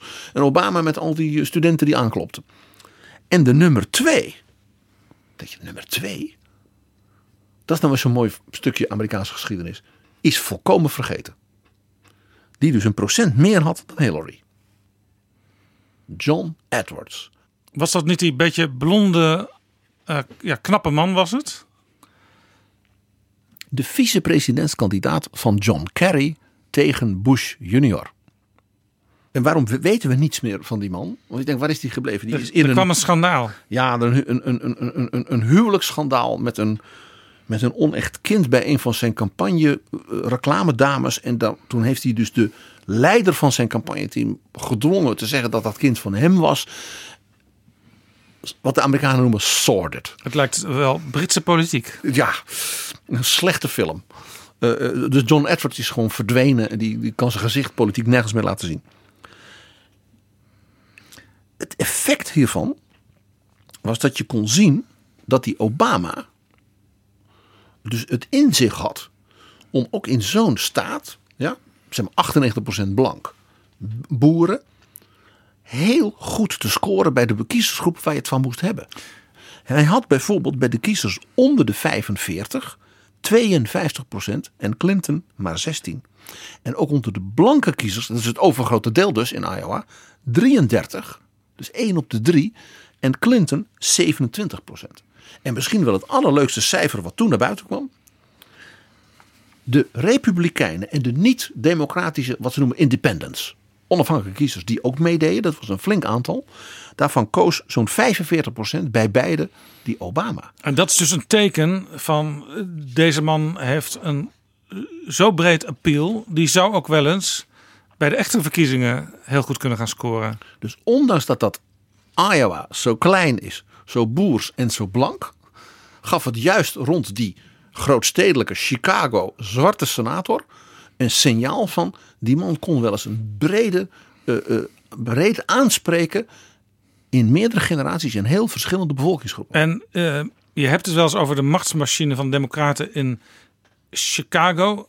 Was die in januari 2008 ook al aan het werk voor Obama of was dat nog te vroeg? Eh, hij had natuurlijk de, de, de machine, zoals ze dat noemen, volledig achter zich. Want ik kan me voorstellen dat de machine gewoon de Clintons steunde. Eh, nee, die gaan dan voor de local boy. Daarbij kwam hij had natuurlijk een enorm netwerk in Chicago, ook van vrienden en mensen die hem supporten. En de zwarte gemeenschap eh, sowieso. Dus dat was, dat was voor hem natuurlijk ook een enorme plus. Eh, wat dus de Clintons dus hadden onderschat, hoe die plus uitwerkte in dat boerse Iowa. En hij was natuurlijk al senator. Dus eh, hij had wel degelijk al een, een politiek ambt. Wat met behoorlijke aanzien en wat ook in Illinois geen sinecure is om senator te worden als democraat. Dan heb je, nou goed, dan zijn er aardig wat mensen die dat ambiëren. Dus dan, eh, dan heb je wel vrienden nodig. Je bent niet de enige. Ja, want senator, eh, er zijn dus in elke staat twee senatoren, een, een senior en een junior. En anders dan het Huis van Afgevaardigden is dus niet zo dat als je een heel dichtbevolkte staat bent zoals Californië, dat je ook heel veel mensen eh, eh, naar Washington kunt sturen voor de Senaat. Want dat zijn er ook al is je staat nog zo groot of nog zo klein, zijn er altijd twee. Dus het is op zich al heel bijzonder dat je überhaupt een van de, de 100 senatoren bent. Zullen we, want we hebben nu zeg maar de, mag ik wel zeggen, iconische, historische primaries en caucuses is even langs gewandeld. Republikeinen en Democraten. Eh, dat eigenaardige systeem van die primaries. Wij in Europa zien dan in- elke vier jaar hè, zien we die primaries. En dan in Iowa en die- sneeuwbergen in eh, New Hampshire. Hè, en eh, Permin en andere BKB-jongeren gaan daar aanbellen. Maar Permin, jij weet natuurlijk uit het huis dat het helemaal niet is eens in de vier jaar primaries. Nee, het is eh, constitutioneel vastgelegd wat de termijnen zijn voor de verschillende ja, branches of government, zoals de Amerikanen dat dan zeggen. De president gaat elke vier jaar, een senator moet elke zes jaar en een lid van het Huis van Afgevaardigden moet zelfs elke twee jaar herverkozen worden. Dus dat is eh, heel veel werk. Elke twee jaar opnieuw verkozen worden. Daar ben je eigenlijk permanent mee bezig dus. Ja, op de dag dat je verkozen wordt, moet je beginnen met je herverkiezingscampagne. Inclusief het geld daarvoor. Inclusief het geld. Dus dat betekent fundraising. Je ziet dus tot wanneer ehm, er momenten zijn dat je net wordt verkozen in een district dat misschien wel van de andere partij ook had kunnen zijn. Een soort 50-50 swing district. In 2016 zijn er een aantal democraten die hebben gewonnen in districten waar Trump eh, eh, ehm, Won. won. President werd. Exact. En als je dan in zo'n district zit, dan moet je alles in het werk stellen om daarna gelijk weer herverkozen te worden. En dat houdt dus ook in dat eigenlijk je, je tijd heel beperkt is. Je hebt het eerste jaar wat om wat te gaan doen. En dan moet je gelijk weer herverkiezen. Ja, en dan is- ook de vraag voor zo'n democraat die eh, tegelijkertijd gekozen wordt met Trump in hetzelfde district. Dus eh, mensen stemmen voor het Huis van Afgevaardigden op een democraat, maar voor de president op een republikein in meerderheid. Eh, dan is ook de vraag soms of voor zo'n democraat moet ik mij misschien wat aanpassen in mijn eigen beleid? Moet ik misschien wel iets meer naar die kant van Trump gaan leunen, omdat veel van de kiezers in mijn district nu eenmaal Trump hebben gekozen? Ja, ik, dat is absoluut waar. Je ziet het in 2012 bij de herverkiezing van Obama, die dus niet populair was op dat moment, niet zo populair als in 2008. Dat je gewoon leden van het Huis van Afgevaardigden hebben, democraten, die eh, John Stewart maakte er altijd allemaal grapjes over. Dan hadden ze allemaal achter elkaar gemonteerd. En dan zeiden ze allemaal hele lelijke dingen over Obama. En dan was het daarna, ja, dit zijn democraten en geen republikeinen. En dat heeft er dan puur mee te maken om te laten zien, nee, ik ben wel mijn eigen persoon en ik kom op ook voor die belangen van u in een staat waar het misschien niet zo dol bent op een hele progressieve kandidaat. Ja, en dit maakt dus ook dat je eh, conservatieve democraten en progressieve republikeinen eh, kunt hebben. Het hangt maar helemaal vanaf van de omstandigheden in zo'n staat. En dat maakt ook dat wanneer, dat is denk ik wat je vaak ziet, bijvoorbeeld ook met Obama, zulke grote meerderheden. Hij had op een gegeven moment het huis, de senaat, presidentschap. En toch lukte het niet om soort van heel soepel allemaal dingen door te voeren. Dat heeft hier exact mee te maken. Want een senator uit een staat waar die eh, nou, het enigszins heet onder de voeten wordt qua herverkiezing. Die gaat niet zomaar alle plannen van een progressieve president uitvoeren. Omdat hij dan weet dat hij een grote kans heeft Ja. tijdens de midterm dat hij gewipt wordt. En zo zagen we natuurlijk de afgelopen periode bij de eh, Republikeinen ook. Dat heel veel eh, Republicans die anything but Trumpers waren in de tijd dat Trump opkwam. Van alles is wat mij betreft goed, maar die Trump die mag het nooit worden. Die zijn toch als een soort blad aan de boom voor hun kiezers omgegaan. Want ja, ze zagen die Trump is onverslaanbaar. Dus laat ik me nu maar een beetje aanpassen. Laat ik nu maar een beetje meeblazen in die fanfare. Ik denk dat dat uiteindelijk, los van even de morele impl- implicatie van wat we daarvan kunnen vinden, is denk ik wel, komt het aan op een fundamenteel principe in de Amerikaanse politiek, misschien sterker dan hier, dat je moet eerst winnen en dan kun je dingen gaan uitvoeren. Dus dat is wat anders dan dat je per se alleen maar eh, bezig bent met, ja, maar ik heb toch hele goede ideeën. Nee, je moet eerst zorgen dat je wint. Het komt ook terug op dat, dat, dat brokering van, je moet, een, je moet op een of andere manier het voor elkaar zien te krijgen dat jij de macht weet te krijgen. Ja, en dit betekent ook Zoals dat... FDR dus dealde met Cactus Jack. Van die heeft Californië gewonnen en heeft Texas in de pocket. Ik moet gewoon nu met hem dealen en dan maak ik hem vicepresident. Bijvoorbeeld. Ja, en als je als eh, president voor de eerste keer gekozen bent in die eerste periode van vier jaar, moet je dus soms ook wat voorzichtig zijn. Eh, en wat je dan echt wil, dat kun je vaak pas in je tweede periode eh, op tafel leggen, omdat je dan helemaal vrij bent. Want dan kun je toch niet herkozen worden. Want een eh, president mag in Amerika maar acht jaar president zijn. Alleen het lastige is, je moet dan natuurlijk wel het huis en de senaat achter je krijgen. En dat is dan vaak maar de vraag. Obama heeft dat. Het is een hele felle strijd geweest tussen de verschillende eh, adviseurs, senior adviseurs van Obama, die die vaak ook uit Chicago meebrachten. De Rahm Emanuels, de eh, David Axelrod. Arnie Duncan. Over moet dat Obamacare nou een speerpunt zijn van mijn eerste termijn in De gezondheidszorghervorming. Exact. Want als ik dat ga doen, en dat was, nou ja, dat hadden al, eh, hoeveel presidenten zijn wel niet gestrand op dat onderwerp. Als ik dat ga doen, verspeel ik daar niet mee al het krediet dat ik heb. Eh, bij zowel de Democraten en ook bij de kiezers. En als dat faalt, dan, dan ja, word ik dan wel herkozen, A. En krijg ik dan überhaupt nog wel wat gedaan. Dus Ja. die, die overweging om het toch te doen, heeft wel van een bepaald soort leiderschap eh, eh, getoond. En dat is nu ook, we gaan het straks nog uitgebreid over de, de, het huidige moment hebben, 2020, 2021 in Amerika. Maar nu speelt dat bijvoorbeeld ook, als je kijkt naar Bernie Sanders, die heel erg voor een, een ziektekostenverzekering voor allen is. Hij krijgt daar heel veel steun van, van jongeren en arme mensen voor. Maar het is dus de vraag, redeneert ze in de Democratische Partij, eh, of je dat op zo'n stevige, harde manier kan roepen als je echt de meerderheid van de bevolking achter je wil. dat is de veelgehoorde kritiek op Bernie Sanders is ook van ja, je kunt die ideeën allemaal wel op een soort van een spectrum op het uiterste neerzetten. Maar als jij een coalitie moet bouwen in het Huis van Afgevaardigden en de Senaat. en je, gaat daar, je, neemt daarbij de, je maakt daarbij de aanname van. ja, dan zullen die allemaal wel hetzelfde willen. Dat is gewoon niet zo. Dus de kans tot Bernie Sanders. en dat is natuurlijk de vraag. misschien is hij dan wel heel flexibel en gaat hij onderhandelen. Dat zou voor het eerst in zijn carrière zijn. Ja, dat, dat zou inderdaad wel redelijk uniek voor hem zijn. Hij staat niet bekend als de meest uh, interpersoonlijk vriendelijke persoon in, het, uh, in de Senaat. En het is natuurlijk geen democraat. Hoewel je, hoewel je wel met hem kunt lachen, want hij kwam aanlopen uh, afgelopen week bij uh, het stembureau. En toen zei hij, dan weet ik in ieder geval met zijn vrouw, toen zei hij, dan weet ik in ieder geval zeker dat er tenminste twee mensen op mij gestemd hebben. Ja, dan kom je nog weer bij de vraag of je op jezelf moet stemmen. Hè? Dat is ook een hele fundamentele vraag. Mag ik nog een hele andere vraag stellen? Jij zat daar bij Grace Napolitano. Die moest dus ook elke twee jaar toch weer herkozen worden daar in West Covina. En er was er dus ook een primary. En ze moest ook aan geld komen. Hoe ging dat? Zag je dat? Nou, dat, ja, tenminste, dat zie je niet heel veel. Dat heeft ook te maken met de strikte scheiding, denk ik, in algemene zin in de VS. Uh, waar campaign financing echt wel losgetrokken wordt van uh, ja, het, het, de dagelijkse bezigheden in de politiek. Het is niet de bedoeling dat je allemaal staf aanneemt die dan op kosten van de overheid gaan werken aan jouw herverkiezing. Ja, daar hebben ze political action committees voor. Onder andere, dat zijn die PACs, de super PACs. En uh, dat, dat zijn nog wat nieuwere uitvindingen eigenlijk.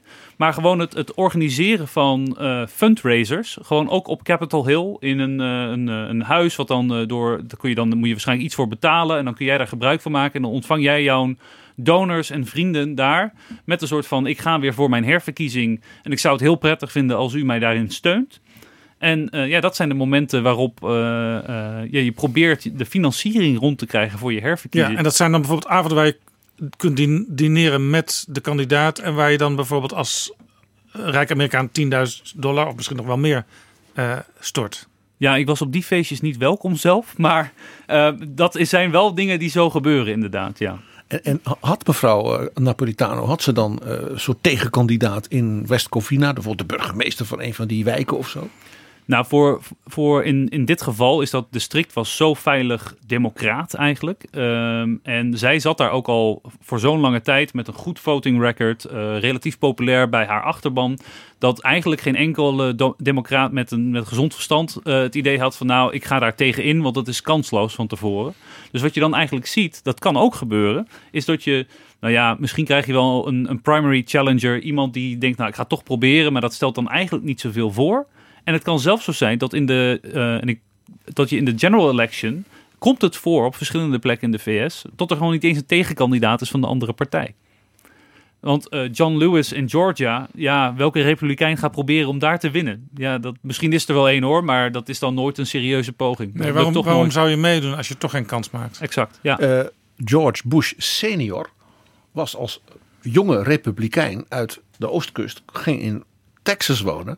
En was de eerste republikein sinds de burgeroorlog, dus sinds Lincoln, die voor een van de buitenwijken van Houston gekozen werd als republikeins congreslid. Dat was dus heel lang in Texas waren er geen republikeinse tegenkandidaten. Dus wie werd de senator of wie werd de governor van Texas? Dat werd beslist in de voorverkiezing van de Democraten. Ja, het, het omgekeerde komt ook voor. Hè? Want uh, je zei al, PG Ronald Reagan die was uh, gouverneur van Californië. Uh, maar langzamerhand uh, begint in de hoofden van de Republikeinen in Californië gedachten te, zich te nestelen. Wij kunnen misschien in de toekomst wel nooit meer hier verkiezingen winnen, omdat de demografische samenstelling van zo'n staat aan het veranderen is. Hè? Veel meer Latino's tegenwoordig in Californië bijvoorbeeld. Nou, kijk hoe Florida veranderd is. Hoe Florida dus een, een, een, een swing state werd. Denk aan Gore, Bush. Denk ook de laatste keer Trump. Uh, uh, Clinton, waarbij toch het idee was dat gaat Clinton wel winnen. Veel zwarte, veel Latino's, uh, grote Joodse bevolking, dat gaat ze wel winnen. Viel even bitter tegen, want het lukte niet te, mobiliseren. dus dus die, het feit was dat Amerika verandert. Het is natuurlijk een groeiend land, nu meer dan 300 miljoen. delen van het land krimpen, lopen leeg. Andere delen van het land groeien als kool.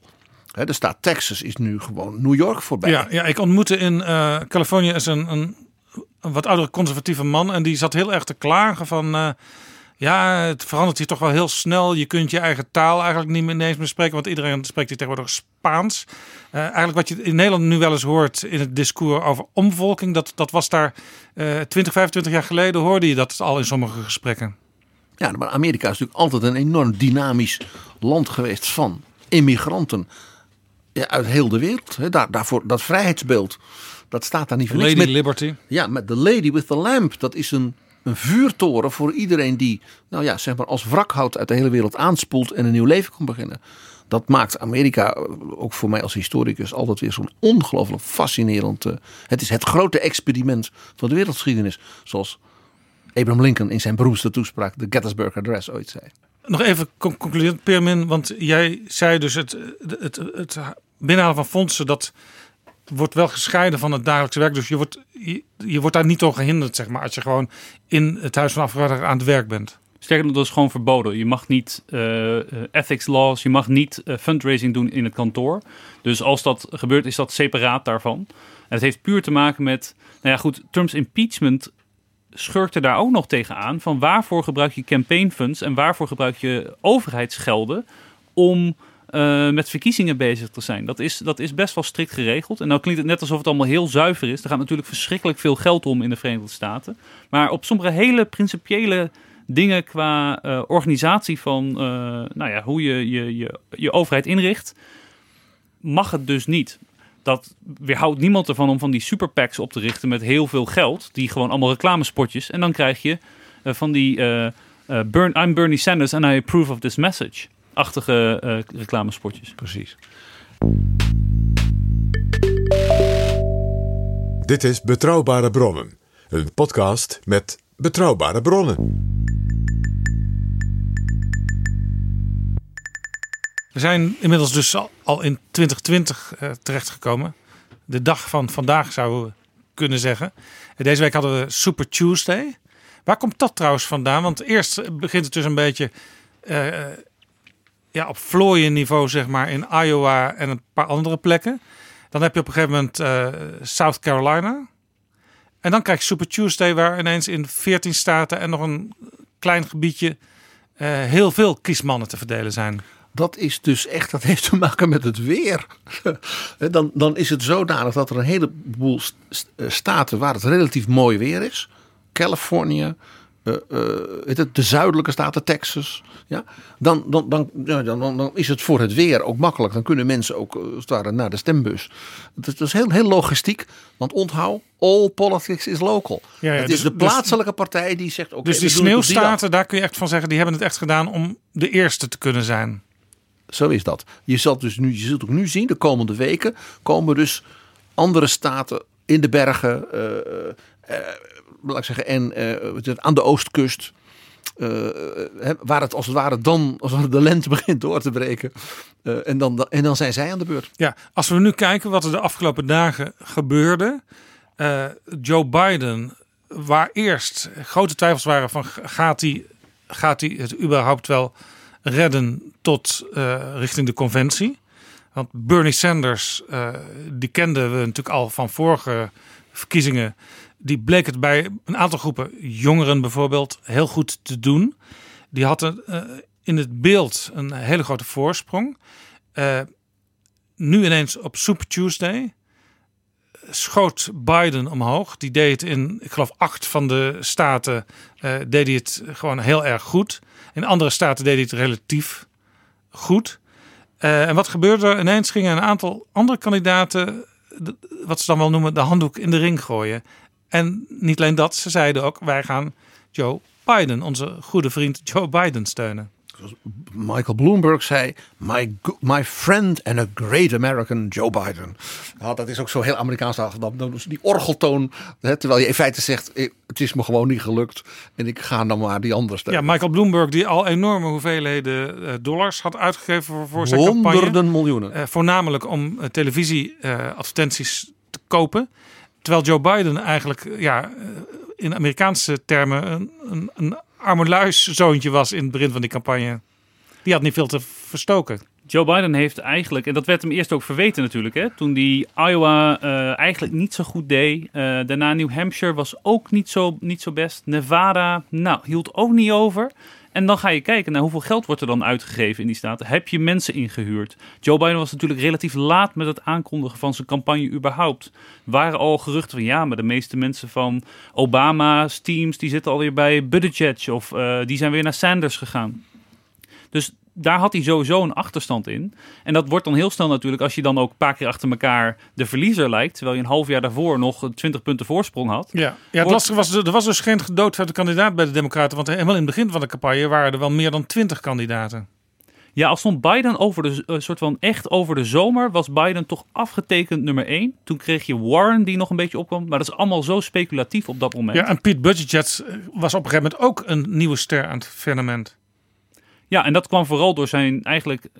Dan krijg je gelijk de, de vergelijking weer met Obama. Buttigieg wint natuurlijk uh, dan in Iowa. Ja, is even een beetje hoe je het berekent. Maar of gelijk spel met Sanders. 17 stemmen verschil. Hè? Exact. Ja, dat. Uh, maar dan krijg je dus gelijk, omdat het dus zo'n intens media-evenement ook is, krijg je heel veel aandacht op dat moment. En dat zie je dus nu, dat had Buttigieg en die hoopt dan eigenlijk, ik ga heel hard inzetten op die eerste staat. En als ik daar genoeg positieve aandacht voor krijg, dan weet ik misschien wel dat door te zetten. Dan zijn er steeds meer mensen die oh misschien kan die het wel. De en tactiek dus van George Bush senior tegen Reagan. Ja, in of 1980. Obama, of, maar Biden heeft dus heel duidelijk eigenlijk op heel veel plekken niet zoveel geld uitgegeven. En nog steeds eigenlijk niet. Maar voor hem was het dus cruciaal dat hij op een gegeven moment dat ene moment pakte. En uh, als je gewoon kijkt naar de demografische aspecten van de staten die aan de beurt zijn geweest, moest dat South Carolina zijn. Dat was een watershed moment. Het was ja, nu of nooit. En toch wist hij daar overtuigend te winnen. Uh, niet in de laatste plaats door een aantal hele belangrijke endorsements van leden van het congres. En deze specifieke plekken waar Joe Biden wel moest winnen om een goede positie uh, te krijgen voor de rest van de campagne. Uh, hij wist dus met zijn mensen, daar moet ik scoren, anders is het misschien wel het begin van het einde. En daar heeft hij ook gescoord. Ja, en de vraag is natuurlijk, uh, dat is lastig inschatten. Dat, daarvoor is een biografie nodig, denk ik.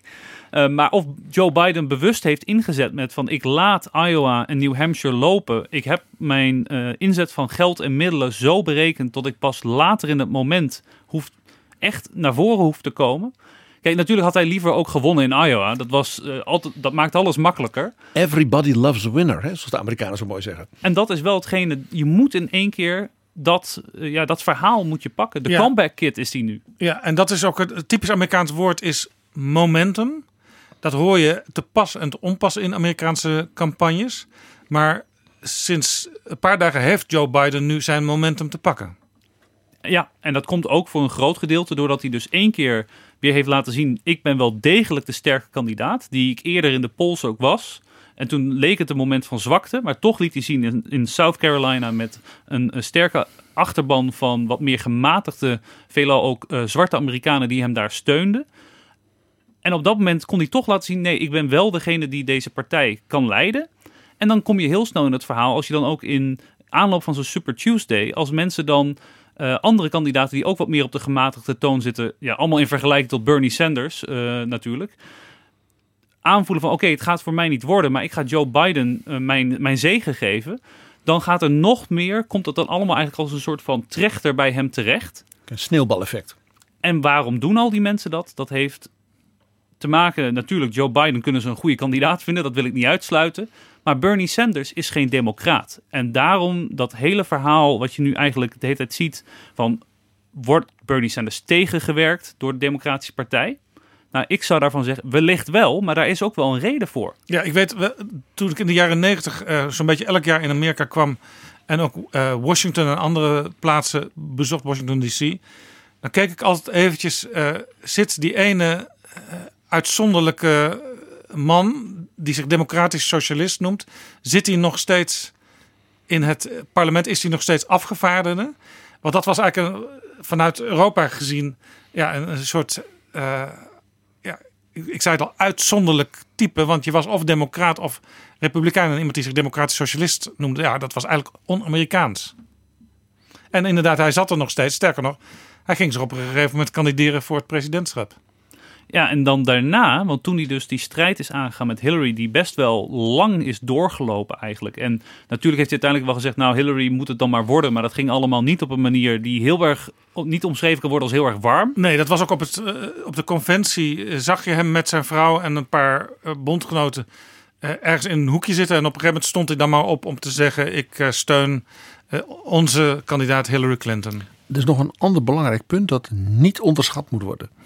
In 2012, uh, Pirmin wees erop, toen Obama moest worden her, zou worden herverkozen, stond Obama best op achterstand.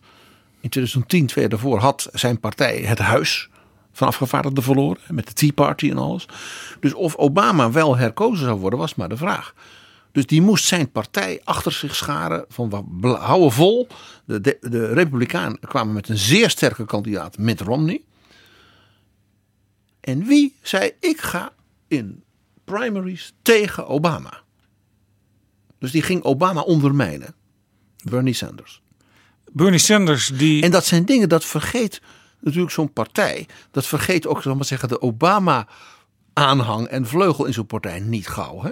Toch zoals, zoals Nancy Reagan ook niet gauw vergat. Toch zag ik na, de, na Super Tuesday ineens een filmpje uh, opduiken van de campagne van Bernie Sanders waarin je Obama een soort ja, algemene steun ziet geven voor al het werk wat Bernie Sanders uh, in de afgelopen tientallen jaren gedaan heeft. Nou, in dat filmpje laat hij plaatjes van zichzelf zien met Obama. Als er bijvoorbeeld een keer een wet wordt getekend. En dan doet hij net alsof hij die wet bedacht heeft. Uh, laat zeggen, ik heb dat filmpje ook gezien. Ik moet zeggen, ik kon het niet inhouden van het lachen. Dit, dit toonde dat hij wanhopig was. Ik bedoel, als deze man zich nu als in de mantel van Obama hult om, om toch nog te winnen, dat, dat heeft iets hilarisch. Als er iets dus fake news is, is het dit wel, dit filmpje. Nou ja, het is het uiting van wanhoop. Bernie is somebody who has the virtue of saying exactly what he believes, great authenticity, great passion, and is fearless. Bernie served on the Veterans Committee and got bills done. I think people are ready for a call to action. They want honest leadership who cares about them. They want somebody who's going to fight for them. And they will find it in Bernie. That's right, feel the burn. Overigens zag je bij Joe Biden ook een paar dagen voor Super Tuesday. Die kwam ook met een filmpje waar uh, Obama uh, hem steunde. Maar dat was ook heel duidelijk gebaseerd op oude uh, toespraken van Obama. Want je zag ze ook ja, in hun oude situatie van president en vice-president naast elkaar staan. En toen dacht ik, hey, Biden heeft op dit moment nog niet de steun van Obama. Ja, voor Biden is het. Ik denk wel dat er een onderscheid is met het Sanders voorbeeld. Omdat natuurlijk Obama Biden wel een, een medaille om zijn nek heeft gehangen. En een bedankt en acht jaar lang met elkaar opgetrokken. Uh, dat is denk ik wel wat meer basis om dan wat archiefmateriaal erbij te halen. Maar Obama houdt zich inderdaad tot op heden op de vlakte als je, als je kijkt naar, goh, komt hij naar voren op tv om te zeggen wie hij het beste vindt. Um, ik zou zeggen dat het ook wel verstandig is. Uh, zeker zo vroeg in zo'n race. Uh, op wie, je, je kunt daar ook heel erg uh, natuurlijk wel richting mee geven. Maar de vraag is of je dat heel publiekelijk wil doen. Omdat ook... hij in feite voor de meeste kiezers toch de belichaming van de Democratische Partij is. Van de succesvolle Democratische Partij. En mensen dus ook van hem verwachten dat hij uiteindelijk de definitieve kandidaat zal gaan steunen. Ja, en dat, dat moet hij uiteindelijk ook doen. En natuurlijk weerhoudt hem er dat waarschijnlijk niet van om achter de schermen te, wer uh, te werken. Uh, de, ik las ook een aantal artikelen dat Buttigieg wel degelijk een telefoontje heeft gekregen van uh, Barack Obama. In aanloop naar, naar zijn eigenlijk ja, zijn quit, tot hij de race uitging. En, ehm, Zo van, je begrijpt Piet, je hebt het goed gedaan. Time's up. Uh, veel waardering voor alles. Uh, je gaat het nog verschoppen. Maar we moeten nu toch inzetten op de kandidaat die werkelijk Trump kan verslaan. En we zijn alle drie gematigd. Jij, ik en Joe Biden. Dus ik vraag je. Ik hoop dat ik niet hoef te smeken, maar ik vraag je. Nou, dit, dit steun Joe. Je doet dit heel mooi, Jaap. Maar uh, ik zei het eerder al, Barack Obama is van de machine in Chicago. Dat zal misschien wel in veel kortere teksten en veel dwingender geweest zijn. Zo van, uh, you understand, this is the moment. Thank don't, you. Don't fuck it up now.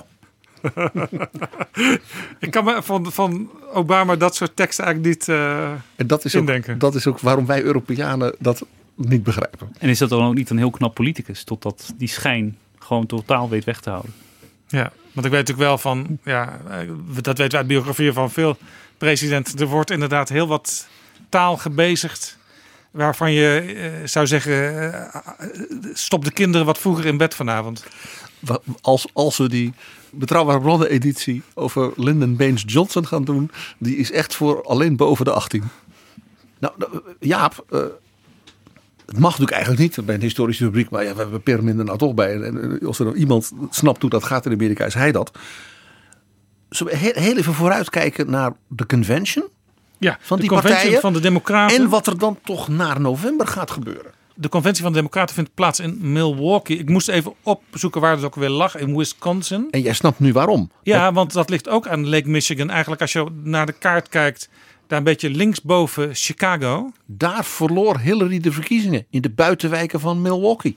En er komt heel veel bier vandaan. Ik weet niet of dat ook nog gerelateerd is. Het is de Duitse stad hè, van, van, van Amerika. Paapst. Paapst. Nou, het woord alleen al. Dat heet, zeg maar, de paus Benedictus heet, die, eh, heet, heet dat bier. Dus zo'n 19e zo'n eeuw. politieke partij, zo'n democratische partij doet dat niet voor niks. Eh, Zo'n conventie op die plek organiseren, waar het juist eh, tricky is geweest de vorige keer. Waar ze juist de vorige keer net verloren hebben. Het is bijna dat ze op die manier als ware willen laten zien. Wij gaan ons leven beteren naar de kiezers in Wisconsin, Michigan. Canossa. Ja, ja. De, de keuze van de stad waar de convention wordt gehouden is altijd een enorm politiek iets binnen zeg maar, zo'n partijbestuur. En dat heeft ook te maken waar komt bijvoorbeeld ons, als de zittende president is, waar komt hij vandaan? De, de- toen Bush president was, Bush senior, was de convention in Houston in zijn Texas. Toen Bush junior president was, die nog, misschien nog veel meer Texaan was dan zijn vader, niet. Maar in New York, de stad van 9-11. Ja. Dus die keuzes zijn altijd heel politiek en heel symbolisch. Dus de keuze voor Milwaukee, wat een grote stad is, maar geen miljoenenstad als Houston, LA of Chicago, is dus zeer, zeer veelbetekenend. Ja. Dus soms weet je al eh, na een verkiezing waar over vier jaar de volgende conventie Nee, zo gaat dat niet. Maar de afweging, zeg maar na twee jaar, van waar gaan we dat doen, wordt duidelijk ingegeven uit de lessen bijvoorbeeld uit die vorige verkiezing. Dat is dit keer, nou ja, zo, zo, zo klaar klontje voor, voor mij. Misschien nog wel interessant om eh, vanuit eigenlijk het feit dat die convention in Milwaukee is. Dat laat zien dus het strategisch belang vanuit de geschiedenis. Dus eigenlijk vanuit de vorige verkiezing. Daar hebben we op een paar duizend stemmen verloren. We moeten hier nu het verschil gaan maken.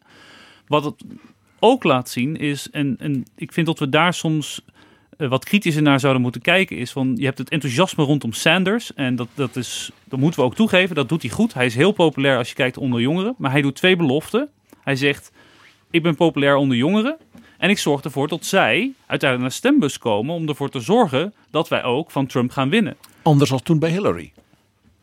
Wat gebeurt er alleen, nu in ieder geval in deze primaries tot op heden? Ja, in hele grote getalen stemmen op hem. Maar nee, er komen niet zo heel veel meer opdagen. En dat tezamen eigenlijk met het feit dat Sanders vooral de marges weet omhoog te krijgen in staten als California. Wat natuurlijk wel knap is en van belang is over wie die primary gaat winnen. Maar als je een stapje verder gaat naar wat dat betekent voor de verkiezingen. Een democraat die populair is dan een andere democraat in Californië, dat maakt eigenlijk niet zoveel uit. Het gaat er vooral om of jij de democratische kandidaat bent die uiteindelijk het voor elkaar krijgt om in eh, Florida, wellicht zelfs Texas deze keer, Michigan, Wisconsin, Pennsylvania. Als je daar de, de democratische kandidaat bent die het verschil weet te maken, dan ben je echt waardevol om die verkiezingen uiteindelijk ook binnen te halen. Ja, even toch nog een vraag over vier jaar geleden. Toen eh, eh, Trump en Hillary Clinton tegenover elkaar stonden. Ik had toen de gedachte, en die wil ik even voorleggen of dat een plausibele gedachte eh, was. Stel dat Hillary Clinton niet de democratische kandidaat was geweest toen, maar toen al Bernie Sanders. Was er dan wellicht een mogelijkheid geweest dat Sanders van Trump had gewonnen? Want beiden eh, deden een appel aan mensen die zeg maar een beetje tussen, tussen de systemen bekneld waren eh, geraakt. Eh, oude fabrieksarbeiders die geen werk meer hadden. Mensen die sowieso het establishment verafschuwden. Amerikanen hebben een hele goede traditie vanaf de Constitution om alles wat ze politiek vinden te beginnen met we the people. En ik denk dat dit silent majority verhaal en van de werklozen wellicht wat bijgesteld zou moeten worden als je kijkt wat er daadwerkelijk op dat moment aan de hand was. Obama was behoorlijk populair aan het einde van zijn tweede termijn. Uh, het ging eigenlijk helemaal niet slecht met de economie. Als je kijkt naar de werkloosheidscijfers in Michigan, Wisconsin, dat ging allemaal eigenlijk crescendo dat frame eigenlijk is wel degelijk een die vanuit Bernie Sanders en Trump natuurlijk naar voren gedragen werd. En je kunt over de ongelijkheid in de VS natuurlijk ook wel degelijk een argument uh, opstellen. Zoals Pim Fortuyn in Nederland na acht jaar paars ook een frame legde van de puinhoop van paars. Wellicht is dat wel een, een goede vergelijking met elkaar, hoe dat, hoe dat dan loopt. En dan is de vraag natuurlijk of dat zo is. En de vraag of dan Bernie Sanders van Trump had gewonnen dat, ja, dat vind ik wel heel lastig om dat met elkaar te vergelijken. Omdat er dan zo'n dynamiek ontstaat, ook al binnen de Democratische Partij. Waar je kunt krijgen dat men misschien niet helemaal fanatiek voor Sanders gaat. Tot die dynamiek achteraf bijna niet in te schatten is. Nu zijn de Democraten dus op weg naar Milwaukee uiteindelijk. Met Sanders die het tot nu toe goed deed, Biden, die ineens opkomt. Een paar maanden geleden hoorde ik nog uh, Donald Trump, dat viel me op, dat Donald Trump zich toen vooral al op Biden richtte. Dat was dus blijkbaar toch de gevreesde kandidaat voor Trump. Uh, hij riep toen ook steeds uh, Sleepy Joe of Sloppy Joe. En er werden toen ook heel veel filmpjes vertoond van stukjes speech van Joe Biden. Waarin hij zich vergiste, waarin hij niet meer wist, uh, bij spreken, wie de grote man van het christendom was. En uh, waar die eigenlijk zelf campagne voor voerde en zo. Dus er zat ook wel iets in dat frame wat Donald Trump daar over hem neerlegde. Tomorrow is Superstar Tuesday. And I want to thank you all. We hold these truths to be self-evident. All men and women created by the, go, you know the, you know the thing. I know I get criticized. I'm told I get criticized by the new left. I have the most progressive record of anybody running for the United if anybody who would run. Sleepy Joe, bij Joe Biden moet je twee dingen meerekenen. Het is natuurlijk een oudere man. Uh, vooropgesteld. Dus tot en dat is Trump ook. Ja, maar tot hij, zich, tot, hij zich, tot hij zich af en toe vergist in een uitputtingsslag van een primary. Uh, dat kan gebeuren. Of we dat wenselijk vinden, dan, ja, dan zou je met een jongere kandidaat moeten gaan. Maar ja, daarvoor wordt niet gekozen. Uh, daarbij moet wel aangemerkt worden dat wanneer Joe Biden af en toe in debatten een beetje stuitert over zijn woorden, is het feit dat hij een stotteraar uh, is of daar overheen is gekomen. Dat vertelt hij zelf ook best regelmatig. En dus echt wel, um, je herkent dat af en toe als je met dit in het achterhoofd eigenlijk die debatten terugkijkt. Dan zie je de momenten waarop hij nog net wat struikelt over zijn woorden. Ja, en tot dat dan uitgelegd wordt als dat hij de weg kwijt is. Ja, dat laat ik maar aan iedereen om dat zelf te besluiten de president Trump heeft tegen de premier van India, Modi, gezegd dat hij niet zo moet zeuren over dat China een gevaar is. Want het is toch niet zo alsof jullie uh, aan elkaar grenzen. Nou, één ding: Joe Biden heeft, zeker als het gaat om internationale politiek, uh, al als jong senator en daarna als vicepresident bij uh, Obama wel een zodanige ervaring dat hij dat soort gigantische blunders niet zal maken. Ja, ja ik heb ook over Trump wel eens gehoord dat uh, zijn medewerkers, uh, als ze dood waren, dat er bij een internationaal gesprek een landkaart op tafel zou komen. Want dan zou die dingen gaan aanwijzen die waarschijnlijk helemaal niet ja, klopten, of in ieder geval niet de bedoeling waren. En voor je het weet ben je een stuk invloedssfeer kwijt. Zo gaan die dingen beroemd van Trump is natuurlijk het feit dat hij uh, de, het traject van de, van de orkaan nog een stukje verder had doorgetekend over de kaart, zodat het wat beter uitkwam. Ja, op een gegeven moment um, gaat een presidentskandidaat ook een running mate uh, naar voren schuiven. Iemand die kandidaat is voor het vice-presidentschap. Ge wanneer gebeurt dat eigenlijk in die hele fase van primaries? Dat is, uh, dat ligt dus nergens vast. Dat is ook zo interessant. Eh, zoals ik al zei, er is geen kieswet die dingen bepaalt voor dan en dan moet dat. Het wordt vaak gedaan op de convention, ook om het enthousiasme van de achterban en de, de eensgezindheid van de partij te vieren. Uh, een zittende president met een zittende vicepresident, daar speelt dat dus niet. Tenzij die vicepresident zich terugtrekt en er een nieuwe komt. Dat is wel eens voorgekomen. Uh, dus dat zal bij de, bij de Republicans nu in niet geval zijn. Pence zal opnieuw uh, bevestigd worden. Dus, dus in dat opzicht wordt die Republikeinse conventie dus erg saai. Ik denk dat Joe Biden, uh, als hij min of meer zeker is van ik ga een meerderheid op die convention halen, ook als het een kleine meerderheid, dat hij dan voorafgaand aan de convention, zeg maar de dag ervoor, als soort surprise, hè, om het feest nog te verhogen in Milwaukee, uh, iemand naar voren zal schuiven. En ik hoorde op de BBC-radio een van de oude rotten van de Amerikaanse politiek, Tom de Frank.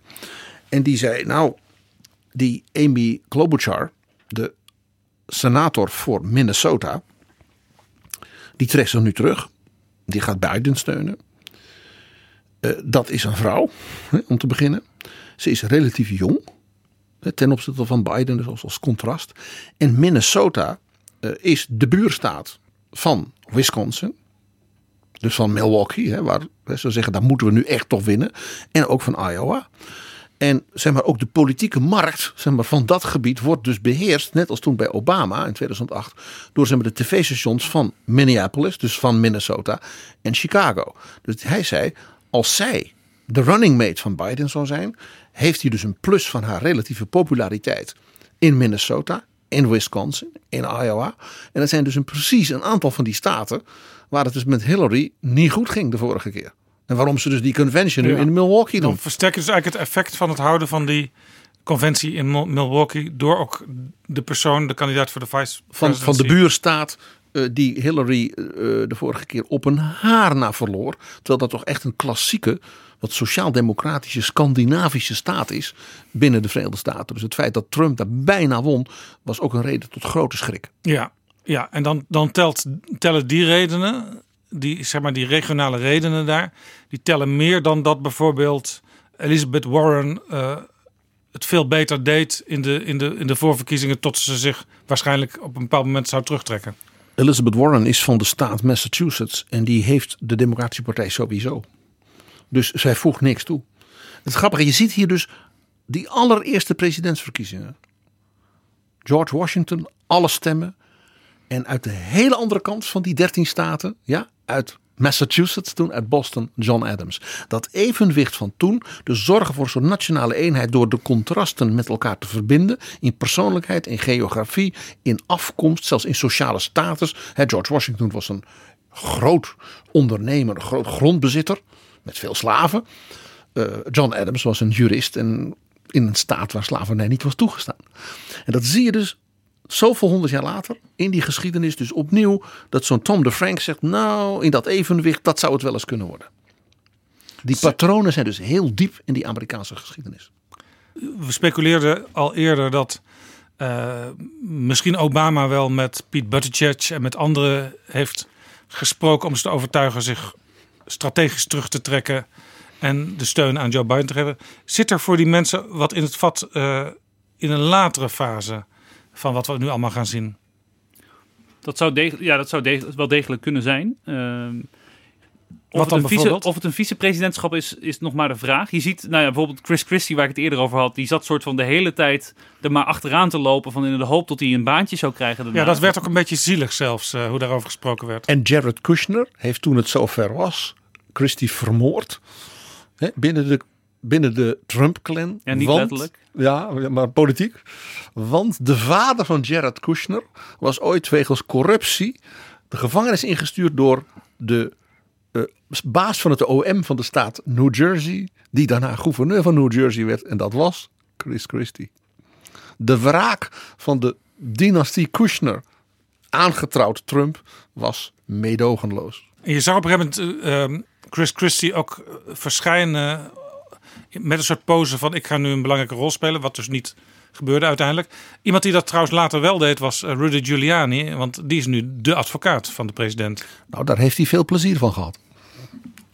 Veel vakantie in Oekraïne. Ja. Maar gaan we bijvoorbeeld Pete Buttigieg nog terugzien als minister? Nou, hij is burgemeester geweest van een Ja. relatief kleinere stad in een conservatieve staat, Indiana. Hij zou bijvoorbeeld een, als minister van Binnenlandse Zaken eh, voor Biden echt een asset zijn. Een jonger iemand eh, met zeg maar, lokale bestuurservaring. Ja, zoals, zoals je in Nederland ook vaak een minister van Binnenlandse Zaken ziet, die bijvoorbeeld eh, wethouder in een grote stad is geweest. Bijvoorbeeld. Ik zou er nog wel op willen aanhaken, want ik weet niet zeker of voor Pete Buttigieg het traject om bijvoorbeeld nog weer een keer een greep te doen naar het presidentschap loopt als een toch een soort van wat grijze minister in zo'n eh, regering. Want het is toch, de- het is een one-man show. Het is de president en dan de rest hangt er toch een beetje onder. Dat is wel degelijk anders dan in Nederland, waar je denk ik zichtbaarder bent. Het ook wordt gezien als een manier om je te bewijzen. Dat het voor Buttigieg misschien interessanter zou kunnen zijn om te kijken hoe kan ik ervoor zorgen dat ik misschien een keer over een hele staat eh, moet, ik misschien een keer proberen senator te worden. Nou, als hij senator Governor. in, governor, maar als hij governor of, of senator van Indiana wordt, nou dat, dat is ten eerste heel erg lastig. En als hij het voor elkaar zou krijgen, zou hij daarna wel iets te vertellen hebben binnen de Democratische Partij meteen. Ja, en so- soms eh, gaat iemand ook iets heel anders doen. Hè? Bijvoorbeeld eh, nationale ombudsman worden of zo. Om op die manier in de kijker te komen. Ik hoorde van, van die waarnemers als Tom de Frank. Die zeiden van kijk, eh, eh, Bloomberg. Die zou geknipt zijn, gelet op zijn achtergrond als burgemeester van New York. En als ondernemer en man die dus echt heel veel weet van een succesvol bedrijf leiden. Als minister van Financiën. En in Amerika is een minister van- Financiën van zeg maar 75 helemaal niet ongebruikelijk. Dus dat zou voor hem ook eh, een- soort, soort, ja, soort fin de carrière zijn nou ja, waar hij wel eer mee inlegt. Er, gebeurt soms ook wel eens iets raars hè? met eh, zo'n kandidaat die dan uiteindelijk afvalt. Ja, bijvoorbeeld governor Rick Perry uit Texas. eh, ja, die deed ook mee aan de, aan de voorverkiezingen eh, in 2016. En die kreeg een baan waarvan hij echt nooit verwacht had dat hij hem zou krijgen. Want hij voerde campagne met het feit dat er een kleinere overheid nodig was. En dan had hij drie ministeries die toch zeker geschrapt kunnen worden. Nou, en je hebt de politieke truc natuurlijk van noem mij drie voorbeelden en dat tel je af. Hij probeerde zoiets, maar hij was vergeten welke ministeries hij nou wilde afschaffen. Eén daarvan was het ministerie van Energie. Nou, en dan wil het zo zijn tot Trump hem heeft gevraagd en hij heeft die baan aangenomen als minister van Energie. En dat is hij tot op vandaag. Hoe diep kun je zinken? We zitten nu al de hele tijd te praten over de Democratische Partij en wie daar de kandidaat wordt om Trump te verslaan. Maar een heleboel Amerikanen die zullen zeggen, mochten ze dit gesprek horen, waar zit u nou over te praten? Want het wordt toch gewoon weer Trump. Dat zou, dat zouden ze inderdaad kunnen denken. Eh, laten we er nu omheen draaien, de Amerikaanse politiek. Een van de wetten is: it is for the incumbent to lose. De zittende president moet zorgen dat die verkiezingen niet verliest. En je ziet, eh Peermin, als je kijkt naar de, de steun voor Trump in de, in de peilingen, de approval rate, die is vrij stabiel. Die zit altijd wel ergens in de zoveel en 40 procent. Wat, wat zegt dat? Het, zegt voornamelijk, want het is natuurlijk over het hele land bezien. En het is daarover, als je dan eh, gaat kijken wat de approval rating is, eigenlijk gewoon Amerikanen, wat vind je van Donald Trump? En natuurlijk is dat een indicator. Je kunt kijken van als dat omhoog in de lift zit, zegt dat wat over het sentiment.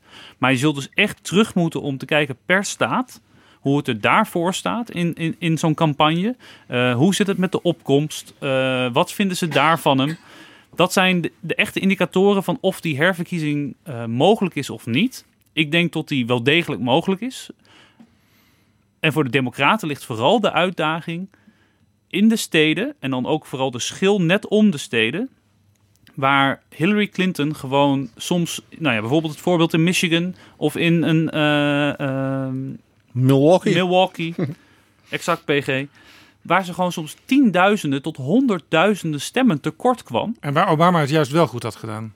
Ja, en Trump daar uiteindelijk die staten maar wint met 10.000 stemmen verschil. Dus je moet ook echt als eh, politieke partij eh, op lokaal niveau en soms binnen een, een, een stad nog in wijken eh, meten hoe de gedachten zijn over de kandidaten. En daar kun je al heel veel uit afleiden. Ja, En dat bij- kun je dus ook bijsturen als je daar veel tijd en aandacht aan besteedt en geld. ja, alles wat je liefde geeft groeit, denk ik in dit geval ook waar. En als je in de voorverkiezing nu in Texas kijkt bijvoorbeeld, van welke kandidaat zou nou geschikt zijn om Trump misschien zelfs wel, dat is echt wel een long shot. En ik wil hier niet zeggen dat Texas zeer waarschijnlijk democraat wordt, eh, democratisch wordt. Maar als je kijkt waar Biden populair is en waar Sanders populair is, dan zit Sanders in Austin, eh, waar eigenlijk de progressieve Texanen allemaal al wonen. En natuurlijk is het belangrijk, daar moet je ook de mensen naar de stembus krijgen, want dat, dat helpt ook. Maar waar zit ook nog een soort van traditioneel republikeins gedeelte, de Bush-familie, eh, Houston, Dallas, Fort Worth. En wie scoort daar het hoogst? Joe Biden. En het is de kunst zometeen om die mensen die dus wat meer eh, gematigd zijn niet weg te jagen, die aan je te binden. En tegelijkertijd ervoor te zorgen dat je dus niet iedereen daarmee verliest in een, Ja. stad als Austin. Ja, want PG, wij, Pirman noemt eh, de Bushes. Wij weten natuurlijk dat Barbara Bush een keer verteld heeft... Ja, Trump, daar gaan wij niet op stemmen. dat, om die, dat het was een jaar voor haar dood, maar ze was nog vlijmscherp. Dat ze toen zei: The thing that man says about women. Ze zei, ik kan me niet voorstellen dat er één vrouw is met enig gevoel voor, van zelfgevoel. die die, die man haar stem geeft. Oeh. Ja. Nee, En als er meer van dat soort eh, republikeinen zijn, dan, dan gaat het natuurlijk goed voor de Democraten. Ik geef hier een tip voor eh, onze luisteraars.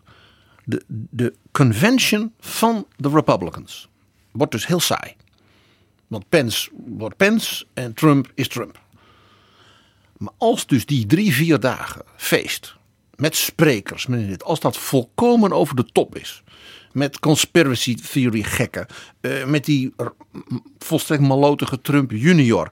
eh, rare dominees. Ja, met allemaal Misschien komt Thierry gebedsgenezingstoestanden Baudet ook wel spreken.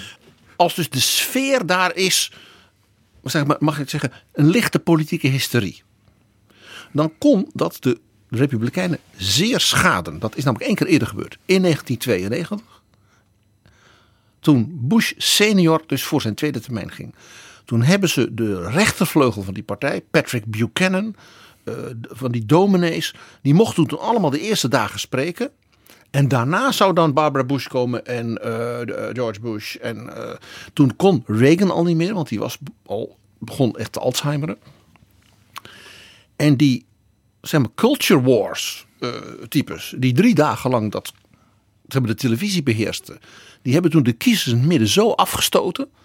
Dat dat het geheim was waardoor eh, Gore en eh, Clinton als jong, fris duo, maar uit het conservatieve zuiden, dus middendemocraten, die verkiezingen zo konden winnen.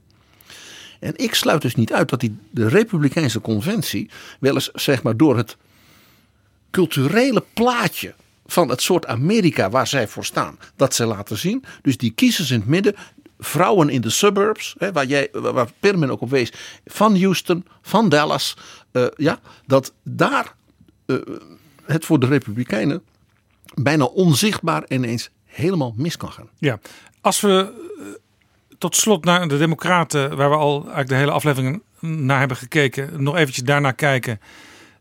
Ik hoor eigenlijk uit alles wat jullie vertellen dat jullie ervan uitgaan dat het uiteindelijk Joe Biden wordt, de kandidaat. Dus Sanders valt op een bepaald moment af. Of die afvalt, eh, weet ik niet. Maar hij zal zo, misschien gaat hij wel door tot het bittere einde. Dat zou ik niet Dus uitsluiten. dan komt hij op de conventie en dan moet er nog een soort strijd geleverd worden. Ja, want ik, als je nu kijkt naar de soort van de kansperspectieven, dan zie je wel dat Joe Biden aan het stijgen is. Maar Sanders heeft ook nog steeds, als je gewoon in de voorspelling, in de forecast kijkt, bijna een even grote kans om eh, een, meerderheid te halen. En dan is er nog een derde scenario. Dat is wanneer geen van beide een meerderheid haalt. En dan kom je in een soort van vacuüm terecht van wat gaan we nu doen? En wie gaan we nou kiezen? En dan eh, kom je in de situatie waarin ehm, waar gaat de partij dan voor, wordt dan belangrijker.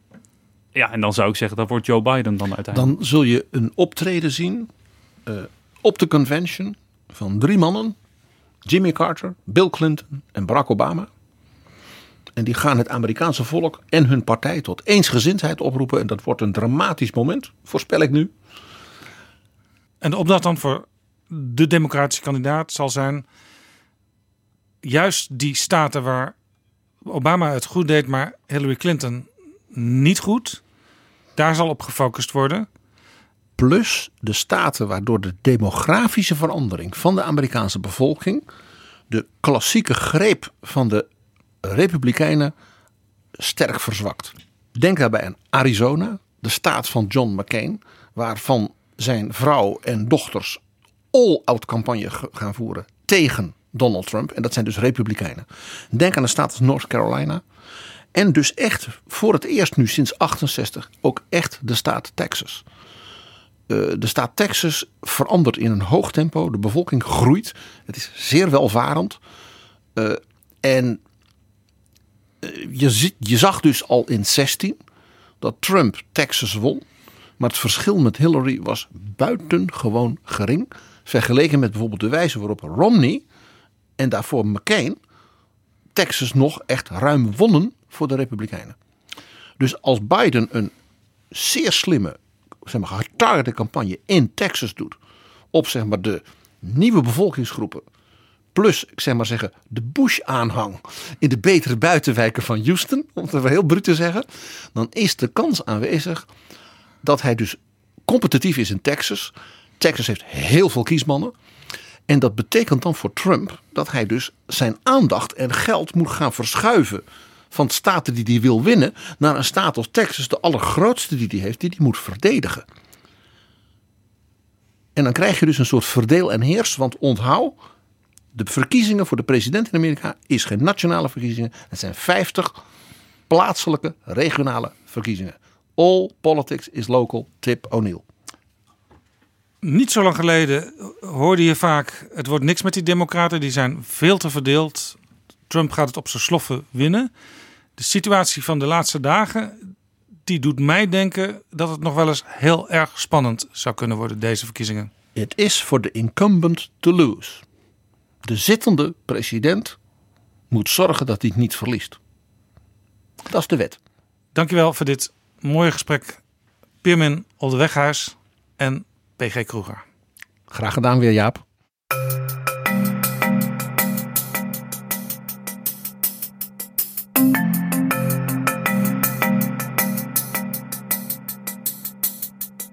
Zo, dit was episode 90 van Betrouwbare Bronnen. Will you say thank you, Mr. President, at least? Deze aflevering is mede mogelijk gemaakt door We Nederland. Tot de volgende keer. Betrouwbare bronnen wordt gemaakt door Jaap Jansen in samenwerking met dag en nacht.nl.